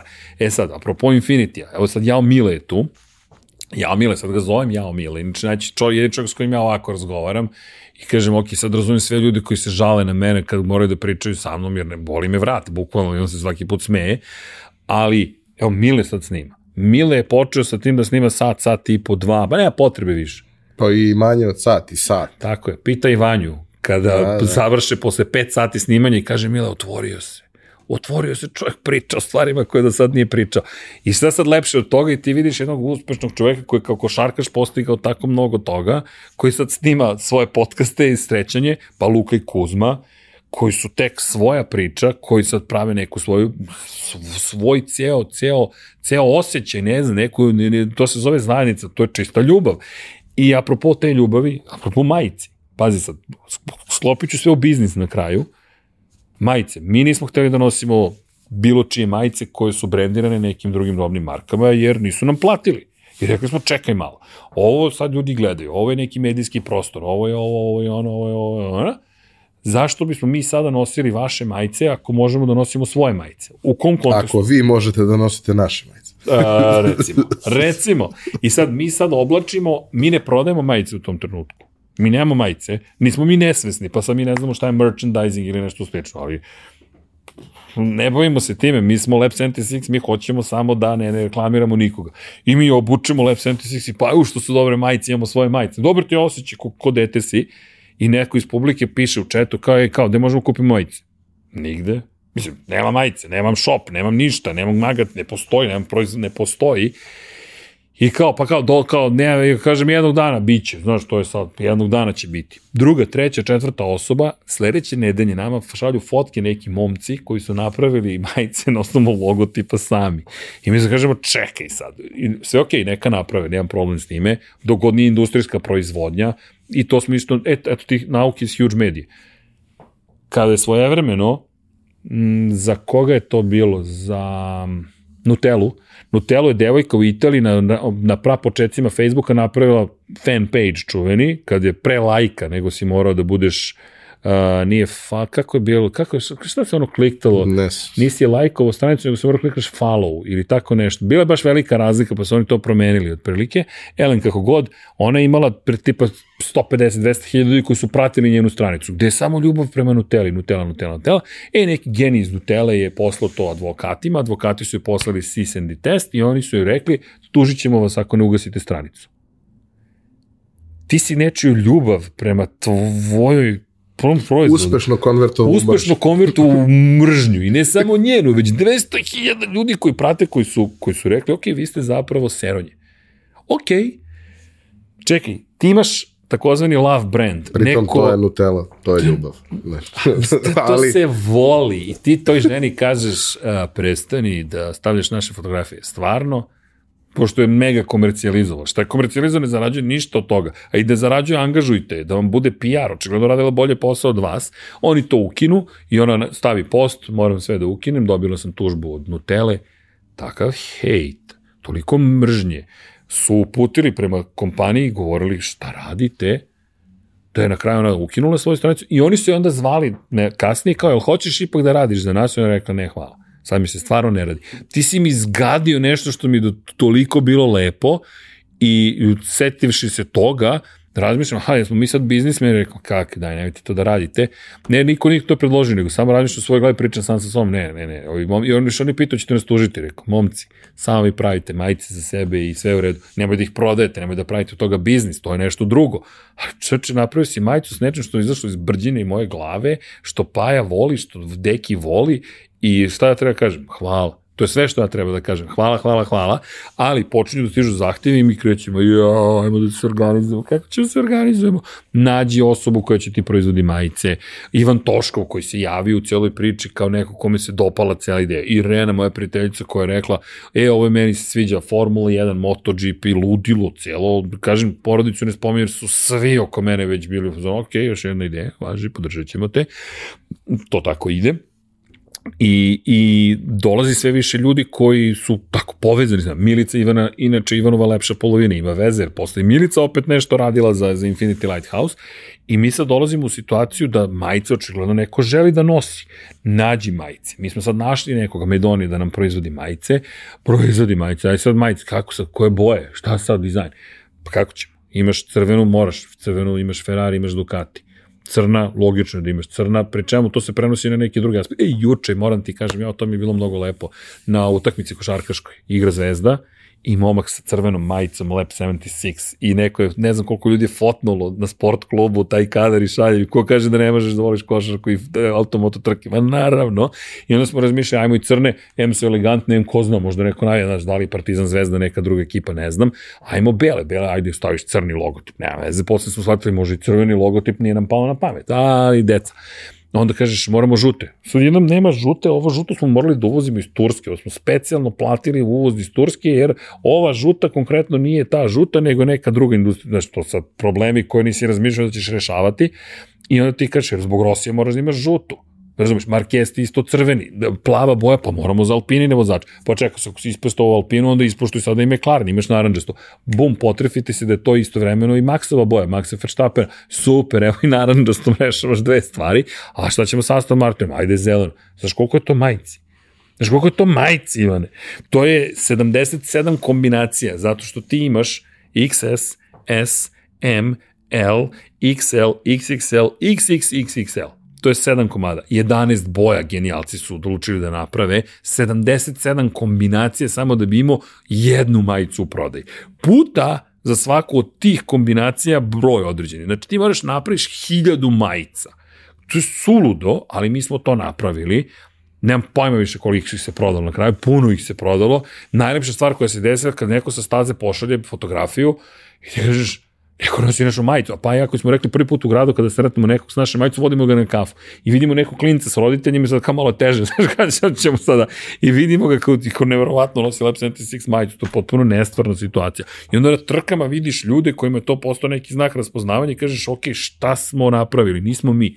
Svi zajedno su se našli da se to nešto stvori, ali nama sad te majice postaju, apropo i priče o tome kako uopšte postojimo, postoji izvor prihoda. Pri čemu mi nismo gledali da budu najjeftinije majice, nego da napravimo pristojne, dobre majice, one se šiju specijalno za nas, sad ćemo vratno malo to menjati zato što smo došli u situaciju da ne možemo da budemo dovoljno fleksibilni sa nekim stvarima kada šiješ svoje majice. Jednostavno, moraš da čekaš mnogo dugo, ne možeš da radiš posebne serije, specijali i tako dalje, to je sad neka, vidiš što sad već moram da znam proizvodnju, jel te, trikotaže, dolaziš u situaciju da ti sad moraš da imaš neku prodavnicu, a gde ću ovo da prodajem? Online shop I znaš nekoga ko se bavi digitalnim marketingom? Ja znam, meni je bilo najteže da napravimo sobstvenu prodavnicu. Jer niko ne shvata da si ti ozbiljan, jer te znaju iz neke druge priče, ja kažem, ljudi, molim vas, meni treba online shop. Ja čekam da završimo za klijenta, ja čekam da završimo za drugog klijenta, ja čekam da završimo za trećeg. Niko te ne gleda kao klijenta. Nego, dobro znam, to si ti nešto zezaš, to se ša, ha, ha, ha. Zoran Šalamun se čovek javlja, koji inače ima svoju kompaniju u Osijeku i ljubitelje Lab 76, ajde sada da ne imenujem preko kog klijenta smo se upoznali, mi kao huge media, sastanak sa klijentom i Zoran je tu, kao developer njihov koji pravi vrlo ozbiljne prodavnice na Magentu i on mene pita, može za kraj jedno pitanje? Rekao, može. Kaže, kako uspevate? Rekao, pošto se izme, rekao, šta konkretno? Kaže, pa, ja pratim Lab 76, ja sad naravno padnem sa stolice jer su to počeci. I ja kažem, Zorane, to je ljubav i mi sad krenemo da pričamo i sad ljudi se smeju, klijent kaže, ja, e, onda smo mi, vi to raspravite. Bukvalno da nas ostavimo nasamo. Mi nastavimo pričamo i ja kažem Zoranu, pričamo sa Zoranom i kaže, kada će šop? Ja kažem, Zoran, nemam pojma, niko mi ne završa šop. Kaže, ja vam poklanjam šop ti si svesno šta to znači. Neko nam je poklonio svoje vreme, šop napravio pod, suludo, još na Magento, koji je overkill, nama ne treba bojni brod Magento, ali sam bio uzmano, ok, neko se ponudi da nam uradi, stvarno da nam uradi, pa onda sad čuvene online payment gateway, bla, bla, bla, bla, onda moraš da imaš magazin, onda moraš da imaš popis, onda moraš da imaš robno knjigovodstvo, onda moraš da imaš fiskalnu kasu ako hoćeš da prodaš fizičkim licima, pošto se zakon mijenja, pa ne možeš više samo da prodaješ online, a kad imaš fiskalnu kasu možeš da otvoriš prodavnicu koja je fizička, pa ljudi mogu da dođu i tako dalje, ali odjednom počinju da se prodaju majice, ti se kažeš, čekaj, ovo nam pomaže da, da živimo, znaš, da, da, da smanjimo troškove, pa se neki klient, inače javili se klijenti, agencije se javile tako što su pisale na svanični e-mail na YouTube-u, što ti isto šok, sad odjedno dobiješ podršku agencije koji kaže, e, nama delujete zabavno, dobro, ajde radimo sa vama, bla, bla, bla. I kažemo, ok, super, ajmo da radimo kažete za Mozart smo radili neku produkciju, dobro, onda je Mozart rekao, mi ovo možemo sami, čekaj, onda imaju ljudi svoj studiju, sve, ne znam šta su sve napravili I ne znam, pa je došao OMV, pa je došao, pa pre toga s kim smo radili, čekaj, ne mogu da se setim više, Mo Mol je bio jedan od prvih klijenata, pa Philips Brijači. E da, i onda kažemo sebi, ajmo roze majice da napravimo, zato što roze majice, sve profit od roze majice da nam ide u borbu protiv raka dojke. Jer nije ovo biznis, ovo je dobra zabava i onda nosimo roze majice u oktobru da bismo promovisali borbu protiv raka dojke. Puštamo brkove Movember u novembru, jer sami se to je pase. Ne, nije pase, jer se ništa ne radi. Ne radi se dovoljno, tek sad su počele neke kompanije dovoljno da rade na tome. Pomozimo jedni drugima, podignimo svest o tome. Priča o borbi protiv samoubistva, uh, saradnje sa Savezom studenta hendikepiranih ljudi. Hendikep nije samo fizička nesposobljenost. Psihičko zdravlje koja koliko je narušeno se smatra hendikepom, anksioznost je hendikep, to te blokira. Ja znam, ja sam imao Turetov sindrom, OCD, ne znam koju kombinaciju, nisam mogu da uđem u autobus. E to, ne znam da sam ikad pričao. Čuče, ja sam imao situaciju da tamo 99. 2000. sam toliko čudne snove imao, da ja šta sanjam, to se desi. Ja razmišljam, ja ne mogu šta se zbiva, bukvalno Ivane. I sad imaš iracionalno objašnjenje, imaš racionalno objašnjenje. Racionalno objašnjenje je, pošto mnogo čitam, gledam, analiziram, bla, bla, ja sam otišao psihijatra. Ja sam rekao, do, profesor doktor Kastratović, ako se ja dobro sećam, na, na gori, na kliničkom centru. Kliničkom centru. Ja sam otišao kod moje mame i rekao, mama, imam problem. Ja je rekao, žena, ok, Sine, ajmo da vidimo šta je problem. Uradili mi EEG, kaže, glava mi je dobra, fizički nema oštećenja, sve je u redu. A Kaže, za software Za software ćemo da vidimo. Ne, to je bilo to je bilo jedno specifično iskustvo. Ja kažem, hoću da razumem šta mi se događa s glavom, kako ja mogu da sanjam nešto i to se desi, kako ti ja predviđam budućnost. Ja ti kažem u martu će se desiti ovo, to se desi. U novembru će se desiti ovo, to se desi. Sad imaš iracionalno, imaš racionalno objašnjenje. Racionalno je dve stvari vrlo bitne analiziram sve non stop i takozvani cognitive bias, gde ja samo pamtim šta sam uspešno predvideo, a zaboravljam sve što nisam uspešno predvideo i gradim iracionalni strah. Dosta je jednostavno objašnjenje. Čovjek mi kaže, ok, zapiši sve što ikad predviđaš ili zapiši sve svoje snove. Iznenadio bih se, iznenadit ćeš se koliko toga se ne ostvari što si sanjao, ali ti stvoriti si iracionalni strah, ja sam sanjao budućnost, mama, da li sam ja poseban? Ne, sine, Jesi, ali to, ali to sad nije način. tema. I, i razumeš, ja, ali to su stvari koje niko neće da priča i onda ja sad prvo me strah, ja ovo stigma, šta će ljudi da misle mene ako niko psihijatra čoveče, da sam šašal, znaš, i da jesam, pa šta, i to je deo ljudske civilizacije i podrška svima koji imaju slične probleme i koji su kroz to prolazili, ljudi, sve ok, svi prolazimo kroz sličnu situaciju. Ja sam to, to sam bio klinac 23 godine, još neka romansa, tužna, a, stigla mi neka devojka koju s kojom nikad nisam ni bio zapravo, ali kao sve ukazivano na to ćemo biti zajedno i nije se desilo. E, patnje mladog Ercega. Ali, to je sve deo života, kao, jao, pre, šta te tek čeka, sinko, samo polako. I u celoj situaciji, kažem, odem kod čoveka i sad mi pričamo o tome, ja počinem da shvatam. Ja kaže, aj dođi na jednu grupnu terapiju, da vidiš. I dođem ja, kad ono sve ljudi koji se ponašaju isto kao ja, razmišljaju kao ja.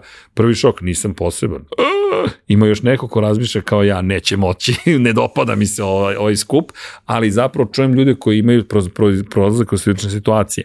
I shvatiš, znaš, jednostavno objašnjenja postoje, s tim što mi imam ponudu, ćeš iracionalno objašnjenje. Hoćeš da ti si neko ko predvida, predviđa budućnost? Pa dobro, i da predviđaš, pa šta? Pa ništa. Znaš kao, i šta sad?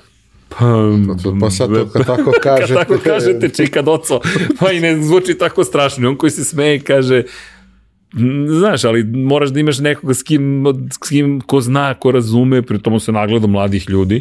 Znaš, verovatno. Samo što meni rekao, daš, mogo bi da ostaneš na terapiji, zanimljiv si za analizu, ne znam, rekao mi tip da mi spominje da piše knjigu, rekao, nemojte doco, molim vas, u knjigama još da završi, ne treba mi to, ta, ta vrsta, jel te, poznanstava. Ali, da, ne, ali ključni moment bio njegov asistent kad mi je dao da rešam neke logičke probleme sa kockama, pa sad različite geog, um, figure zapravo, i geometrijske koje treba složiti u sliku. I sad imaš ih 30 i tipa meni trebalo oko, ne znam, 15-20 sekundi, nije hvaljanje, prosto tako mi radi glava, da završim svaku od njih. I s jednom sam se mučio, tipa jedan minut mi je bio potreban za 29. fotografiju, toga se sećam. I ja završim i ova žena me gleda i kaže, ja kažem, izvinite, bio sam malo sporiji za ovu 29. Bukvalno žena ovako gleda kaže, bio si malo spori. I sad mogu te pitati, šta ti tražiš tačno ovde? Bukvalno. Ja kažem, ne, rekao, meni je ovo lako da rešim ali ove obične stvari. Agonija. Ja ne umem da funkcionišem. I to je uvijek istina. Ja ću najkompleksniji problem da rešim, onaj najjednostavniji mu. Ne znam šta da radim s tim. Znaš, ne mogu da verujem da je nešto toliko jednostavno, nisam ja ništa sad, ne znam, poseban, razumem šta ti govoriš kad kažeš da sam poseban, ali ne na neki sa, sa, sa, taj način da kažeš, e, to nikad nije viđeno. Ne, nije. Postoje ljudi koji to lakše razumeju, kompleksne sisteme, ali s jednostavnim ja ne mogu, ne umem. Da mi neko samo kaže, samo otvori vrata i prođi, meni to, E, sa jednostavnim problemom, e, nivo napona nije dovoljan da se upali.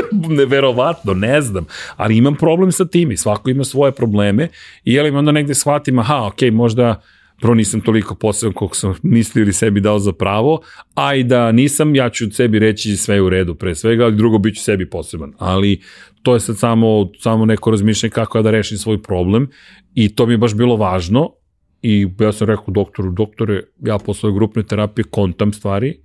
I on se smeje, kaže, mislim da bi trebalo da nastaviš dolaziš, ja kažem, ja mislim da ne bi, volim vas i hvala vam i zato ga ispominjem, ne znam da li je živ, nadam se da jeste, hvala mu na tome i imao sam taj problem, kažete, to mi se prelilo onda u, u taj sindrom da zato što kao predviđam budućnost, onda ako ja nešto uradim, efekat leptira, da li će to sad da ima neke posledice kolosalne negde drugde na planeti Zemlji na nekoga, ali tako sebe možeš da ubaciš u lavirint gde sve zavisi od tebe, to je baš egomanijakalni trip, to je na nivou boga. Ja uđem u autobus i onda se ne znam šta negde desi.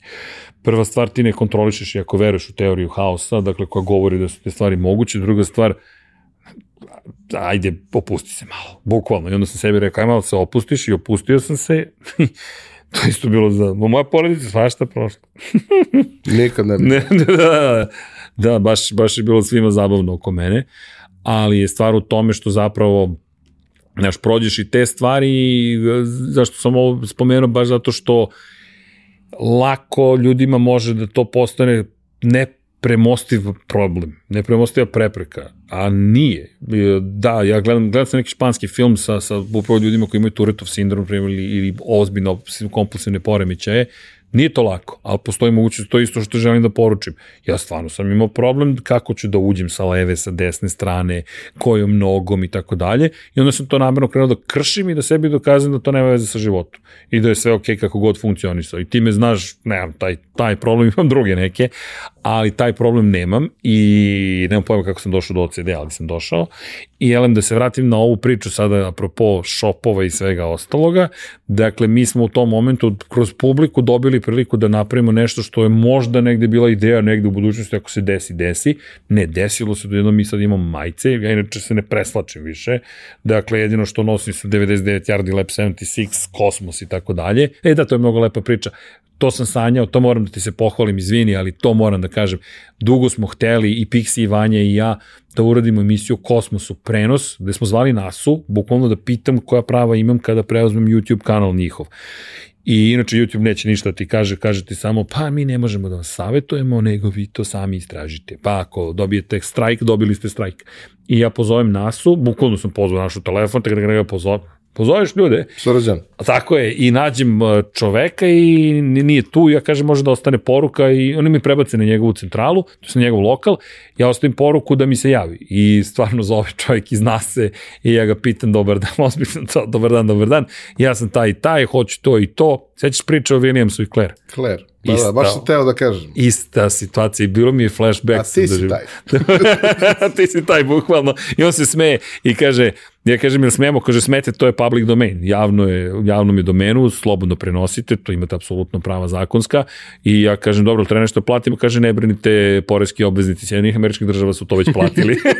Bukvalno tim rečima, the, the, the US taxpayers have already paid for that. I ja početi sve, rekao, hvala vam, ali rekao, mi to stvarno želimo da radimo, im kao, ne, ne, to imate prava, imate, uputio me gde mogu da pročitam šta smem, kaže, ne smete u komercijalno, ne mogu da uzem nasim logotip i zalepim na majicu i prodajem, ali mogu da koristim u kontekstu obrazovanja, nauke i tako dalje. Onda smo radili prenose poletanja na, na, na stanicu prvog privatnog zapravo jel te, Crew Dragon sistema koji je sa, poletao sa tlanjih Sjedinjenih američkih država posle ne znam koliko decenije i koliko.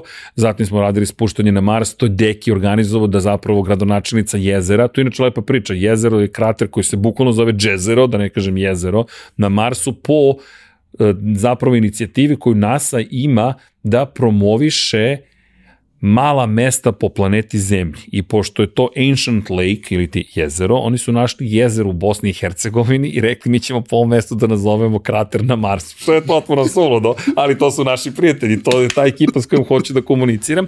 I oni kažu jezero i onda Deki koji je Marsovac, nađe ženu i uspostavi kontakt s njom i mi imamo jedini na svetu dok prenosimo nasin prenos spuštanja na Mars. Dakle, ceo, ceo sistem je oko celog tog spuštanja organizovan, ali jedina ekipa na planeti Zemlji koja ima gradonačelnicu jezera u direktnom uključenju je ekipa Kosmosa. To jest emisija koju pravi Infinity Lighthouse. I naravno pukne nam zvuk u tom trenutku i ništa se žena ne čuje, ali dobro, ne veze, mi smo imali u emisiji i to su te predivne stvari. Znaš, gde je granica, otkud ja znam gde je granica, ali to smo isto uradili i onda smo i lansirali Starship, koja to sad će dve godine kada je poslednji put leteo, ubiše se, polomiše se oko toga, poločno to ubiše se, ne, to, to, nisu, to, to moram pažljivo koristiti reći, ali polomiše se oko toga da naprave zapravo heavy i super heavy uopšte ne mogu, sad su ga full stack su napravili, ali znaš, dve godine od kada su poslednji put leteli sa Starshipom, to je mnogo vremena i razumem probleme, ali cela priča Elon, Elon Musk ima taj, preteruje u svojim najavama onoga što može, ali dalje poštujemo ono što Starship može da uradi, to je generalno SpaceX, jer to jesu pomeranje. S tim što ja mislim da mu je ceo sistem, ajde sad igresi, ali neodrživ kako ga je zamislio za spuštanje na mesec, ali to je za neku drugu analizu. Nego, to smo isto uradili i sad imaš situaciju, zove me Radio Beograd, da pričam o kosmičkim istraživanjima. Znaš, potpuno je sve šašavo, potpuno je to neka ljubav. Umeđu vremenu mi pravimo sad i majice za kosmos, to je Ivan Toškov, inače refraktor.rs, ispratite, to je drugar, pa eto, da ga malo ispromovišemo. On to mnogo voli i mi sad krećemo da prodajemo majice. I to sad odjednom dobije neki svoj život, ali mi sad učimo kako se to radi i nekom trenutku neko je rekao iz publike kad će Deki da objavi knjigu. Dejan Potkonjak, koji je već objavljivao knjige dve, Ayrton Senna put ka savršenstvu i Crno i crveno Mihael Schumacher, dok je bio urednik Autobilda u okviru večernjih novosti izašla knjiga dodatak uz večernje novosti što su tiraži, ne znam, 150, 200 hiljada, ogromni tiraži. I to je bilo pre ne znam koliko godina. Ali ta knjiga, pošto išla uz novosti, je imala jedan dan kampanje u suštini. Nije imala više dana kampanje, to je imala pre toga. A to je stvarno mnogo lepa knjiga. Neću da kažem remek delo Deki bi se naljutio, ali mnogo lepa knjiga. Dve knjige od dva velikana Formula 1 i neko iz publike čitao i kaže kad će ponovo. I sad Deki ja se gledamo, ja Deke volim da stavljam pred svršen čin u emisiji i sa, sad više ništa ne obećava zato što znam šta može i ja sam onaj bezobraznik koji malo pušuje ljude, puši sam ponekad, ali sve ok, sad i Deki zna da mi neću da ti obećam ništa, sve u redu, ali mi se dogovorimo da dobijemo knjigu. I tako smo ušli u izdavaštvo. Nisi me ni pitao, ali evo da ti kažem, pošto smo pričali o knjigama malo pre, i mi objavimo knjigu. Čekaj, Ivane, od letnjeg kina do toga da mi objavljamo knjige. Pre čemu ja sam sanjao inače da napravim knjižaru bio. To mi je bio neki inicijalni san u kojoj dođu ljudi i čitaju knjige. Dakle, kada budem imao knjižaru, kada mi kao Infinity Lighthouse, kao ceo tim, grupa ljudi budemo imali knjižaru, svaka knjiga koja je u ponudi će imati takozvani uredničku kopiju da možeš da seneš i da čitaš knjigu. Ne zanima me da li ćeš je kupiti, pročitaj celu ako možeš u našem malom knjižnom mestu, uživaj jer to je knjiga. To, ako je kupiš, ma super, ako nemaš da je kupiš, čitaj, bukvalno čitaj, to menja svet, to menja ljude, to, to je nešto mnogo lepo. I to mi je bila ideja i da dolaze ljudi da potpisuju knjige. Sanju sam Martina da dovedemo, ajde dođi da nam potpisuješ knjige svim ljubiteljima, jel te? Mislim, ne znam da smo više ljubitelji cijele sage Game of Thrones, ali činjenica da su mi to bili snovi, I sad mi dolazimo tek dve godine kasnije, COVID i sve ostalo do knjiga. Se zaboravio među vremenu, pri čemu mi kažu knjige. Objavimo mi knjigu.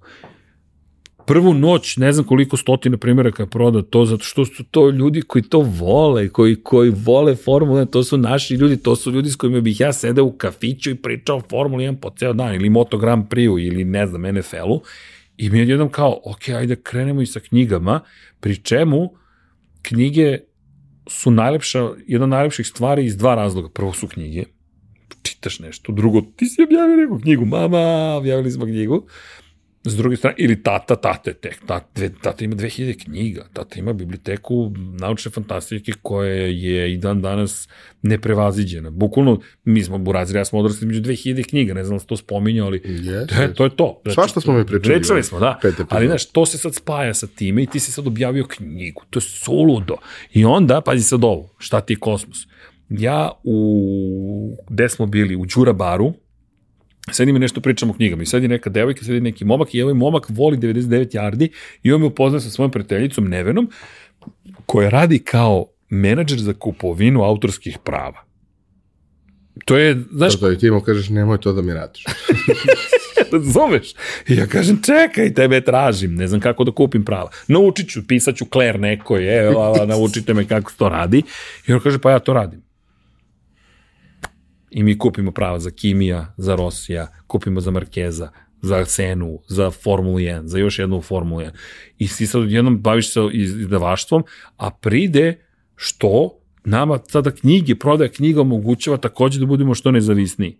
Jer mi sad zarađujemo novac koji nam je potreban, jer umeđu vremenu Irena je počela da radi u Infinity Lighthouse. Vanja radi od početka Infinity Lighthouse, došao nam je Petar, bio je tu i Bogdan jedno vreme više nije tu, otišao je nekim svojim putem, oh, good luck, braća Brđević su se razmilela po celom svetu, ali činjenica je da ti sad dobijaš neki obris strukture, sad je to već struktura, koji ti pomaže da organizuješ taj ceo kreativni haos u nešto što zaista funkcioniš. Jer sad odjednom ljudi su čuli za, za ono što radimo, podrška postoji, publike večna, ja se nadam da će tako i ostati, ali s druge strane ti moraš da platiš neki prostor, moraš platiš neke podizvođače, moraš platiš neku novu opremu, moraš da platiš neko putovanje, moraš da platiš plate, moraš da platiš, platiš, platiš, platiš, platiš, platiš, platiš, što ono što niko ne želi da deli, svi bi da žele profit, da dele profit u biznisu, ali ti znaš kako to funkcioniše i to nije tužna priča, to je tako, ali ti sad odjednom imaš nešto što ti domoguće da budeš održiv kroz publiku, još kroz Patreon,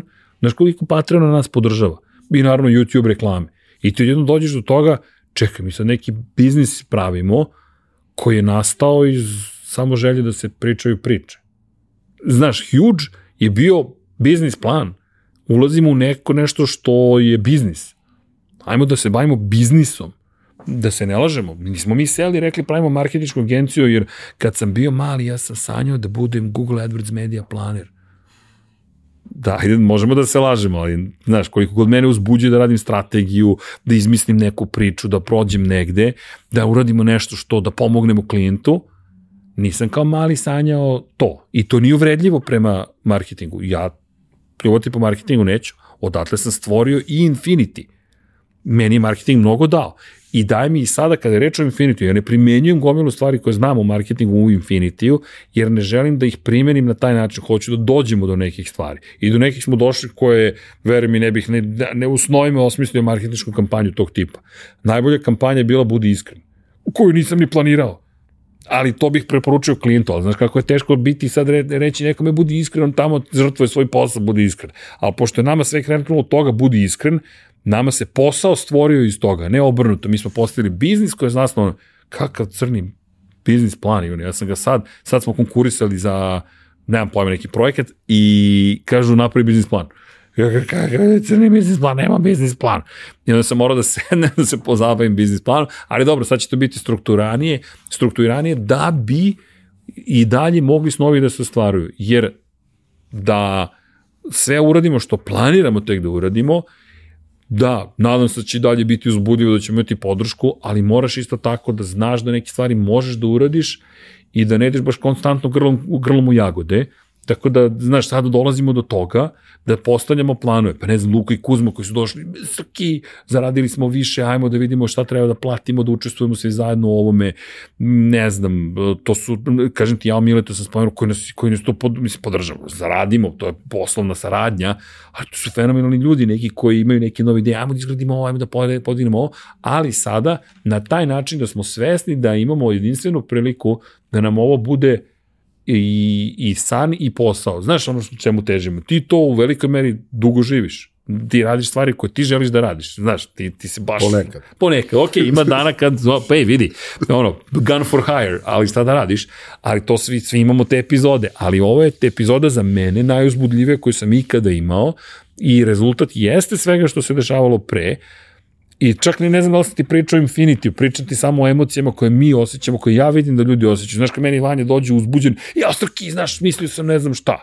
Ok, okay, Vanja, ajmo to da uradimo, ajmo to da uradimo. Znaš, i da podržiš ljude koji imaju te ideje. Petar ja imamo neke ozbiljno šašave ideje. Ne možemo postaviti sada sve baš što hoćemo, ali to je drugi problem. Ali kažem ti, to su divne stvari, dođe Irena pa nešto smislila, super. Ma dođe bilo ko, prijatelji, porodica, uh, daju ti savete, ljudi koje voliš, ljudi koji tebe vole, ej, ovo mi pa pamet, ej, vidi ovo, javi se ovome, javi se one. Ja, juče sam bio u ambasadi, ajde ne imenujem u kojoj ambasadi, bio u ambasadi, pričamo o knjizi koju planiramo da izdamo i ambasada koja kaže mi smo zainteresni, možda bi ambasador čekaj sad, da smo do ambasada, do čega sam pričam sad o kulturama, o povezivanju svetova, o tome da mi, znaš, pričamo neku priču koja je Bože zdravlja da ćemo kroz tu priču imati priliku da dođe u posetu Beogradu trostruki svetski šampion Formule 1. Wow, razumeš? Možda, ne znam, nadam se, držim palčeve. Ili da smo imali Meta Oxley i Henka Kulimansa da potpisuju stvari u, u, u, u, u, na, na otvaranju izložbe. Oni kažu, u Britaniji nismo imali prezentaciju knjige. U Srbiji su imali, na Balkanu su imali. Zašto? Zato što mi smo to želeli I to je cela priča. Znaš, kao, pa da li se to isplati? A što svaki put moramo krenemo odatle? Ja nisam imao pojma da li će se ovo isplatiti ili ne. Sad radim na tome da može da bude održivo, ali da ti kažem da je plan bio, ej, vidi Ivane, sad, po, ja ću imati gledanost, pa ćemo prodati x majici, pa ćemo objaviti knjige, pa ćemo ovo, pa ćemo ono, ma, da ništa blizu toga, I onda je to najlepša stvar koja se ikada meni desila. Prije čemu imali smo i sudi i ljude koji nas ne vole baš previše, koji su baš bili nezadovoljni što smo neke stvari postavili previše brzo. Ja kažem, ljudi, šta vam je? Šta vam je? Šta je vama uspeh u životu? Šta je? Opet komši crkne krava? Ili ti si nešto hteo, nisi uradio. A jesi stvarno probao? Ili sam ti ja sada kriv, Infinity Lighthouse i mi i Paja koji radi pod kapicom, gde ovo je, što kažu, neko me zove iz strane zemlje, ali dobro, javit ću se posle. Dakle, in your face moment, jer su uh, papaji poručili uh, preko mene, vidjet ćeš kada uh, taj podcast manje više vatrepolo ne bude više postojao, tipa posle dva meseca. Gde je kamera? In your face postoji pet godina, ne pa dve i po godine kasnije tek će da postoji. Paja koji voli vaterpolo, nisam imao pojma, sad s čovekom u kabini ne znam da zna sve te ljude. Ej, ja kažem, više učinio za vaterpolo nego iko na ovim prostorima kao pojedinac. Uz dužno poštanje svim sportistima koji su igrali vaterpolo, svim sportistkinjama, svim savezima, svim medijima, Pavle Živković pod kapicom, šta je uradio, to je besmisleno. Kolika je gledanost? Koga briga?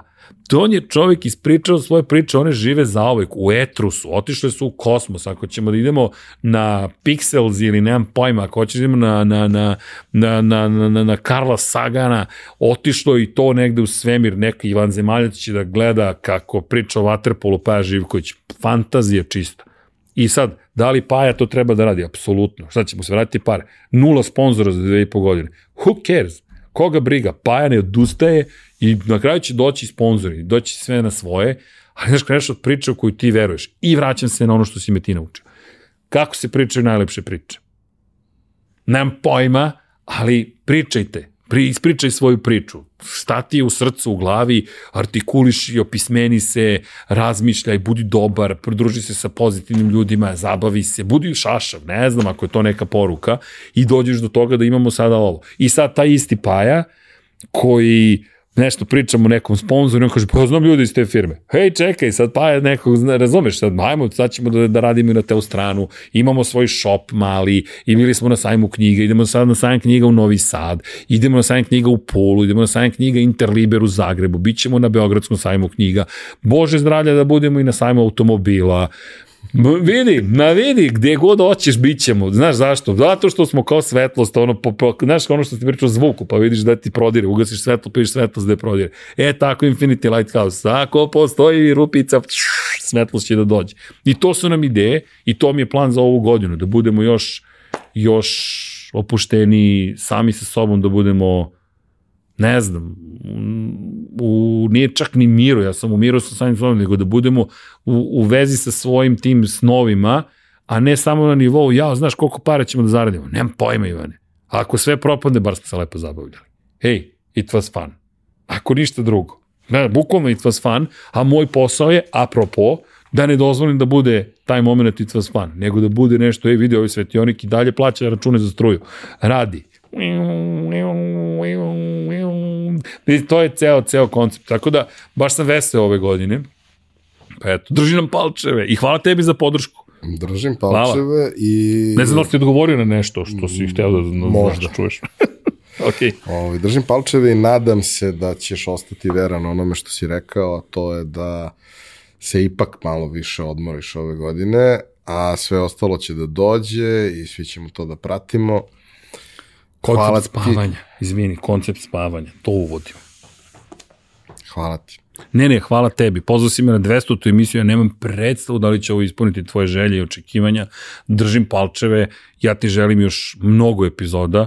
Za 1200 tu da napraviš žurku neku i da ti bude zaista lepo i da pojačalo još dugo živi i da, jel te pojačava, ton svih nas koji smo se ovde pojavili, tvoj pre svega, jer ovo tvoje čedo, i ne samo tvoje da pozdravim ekipu ovde iza kulisa, jer vi ovo što radite je zaista fenomenalno. Ja vam želim mnogo, mnogo, mnogo, mnogo jubileja i šta god da sebi lepo želite, ali da uradimo neko pojačalo sa severnog pola. Može? Može. Može i tamo negde... To mi je palo sad na pamet. Ovaj, izvan. Može, iz orbite. Orbite ove planete. Ali stvarno, čestitam ti na svemu i svaka čast. Ovo treba raditi i svaka čast na tome što konstantno je tu i postojiš i vi postojite i privilegije što si me zvao jednom kamoli, ne znam više nija koliko puta. Pet, pet, pet ali puta. pet od beskonačno. Hvala. Hvala vam što ste nas slušali, nadam se da vam je bilo interesantno. Hvala za to što nas pratite već 200 i kusur epizoda, ali ajde, ova je 200 redovna. To bi bilo to za ovu nedelju. Mi se vidimo ponovo naredne. Svako dobro.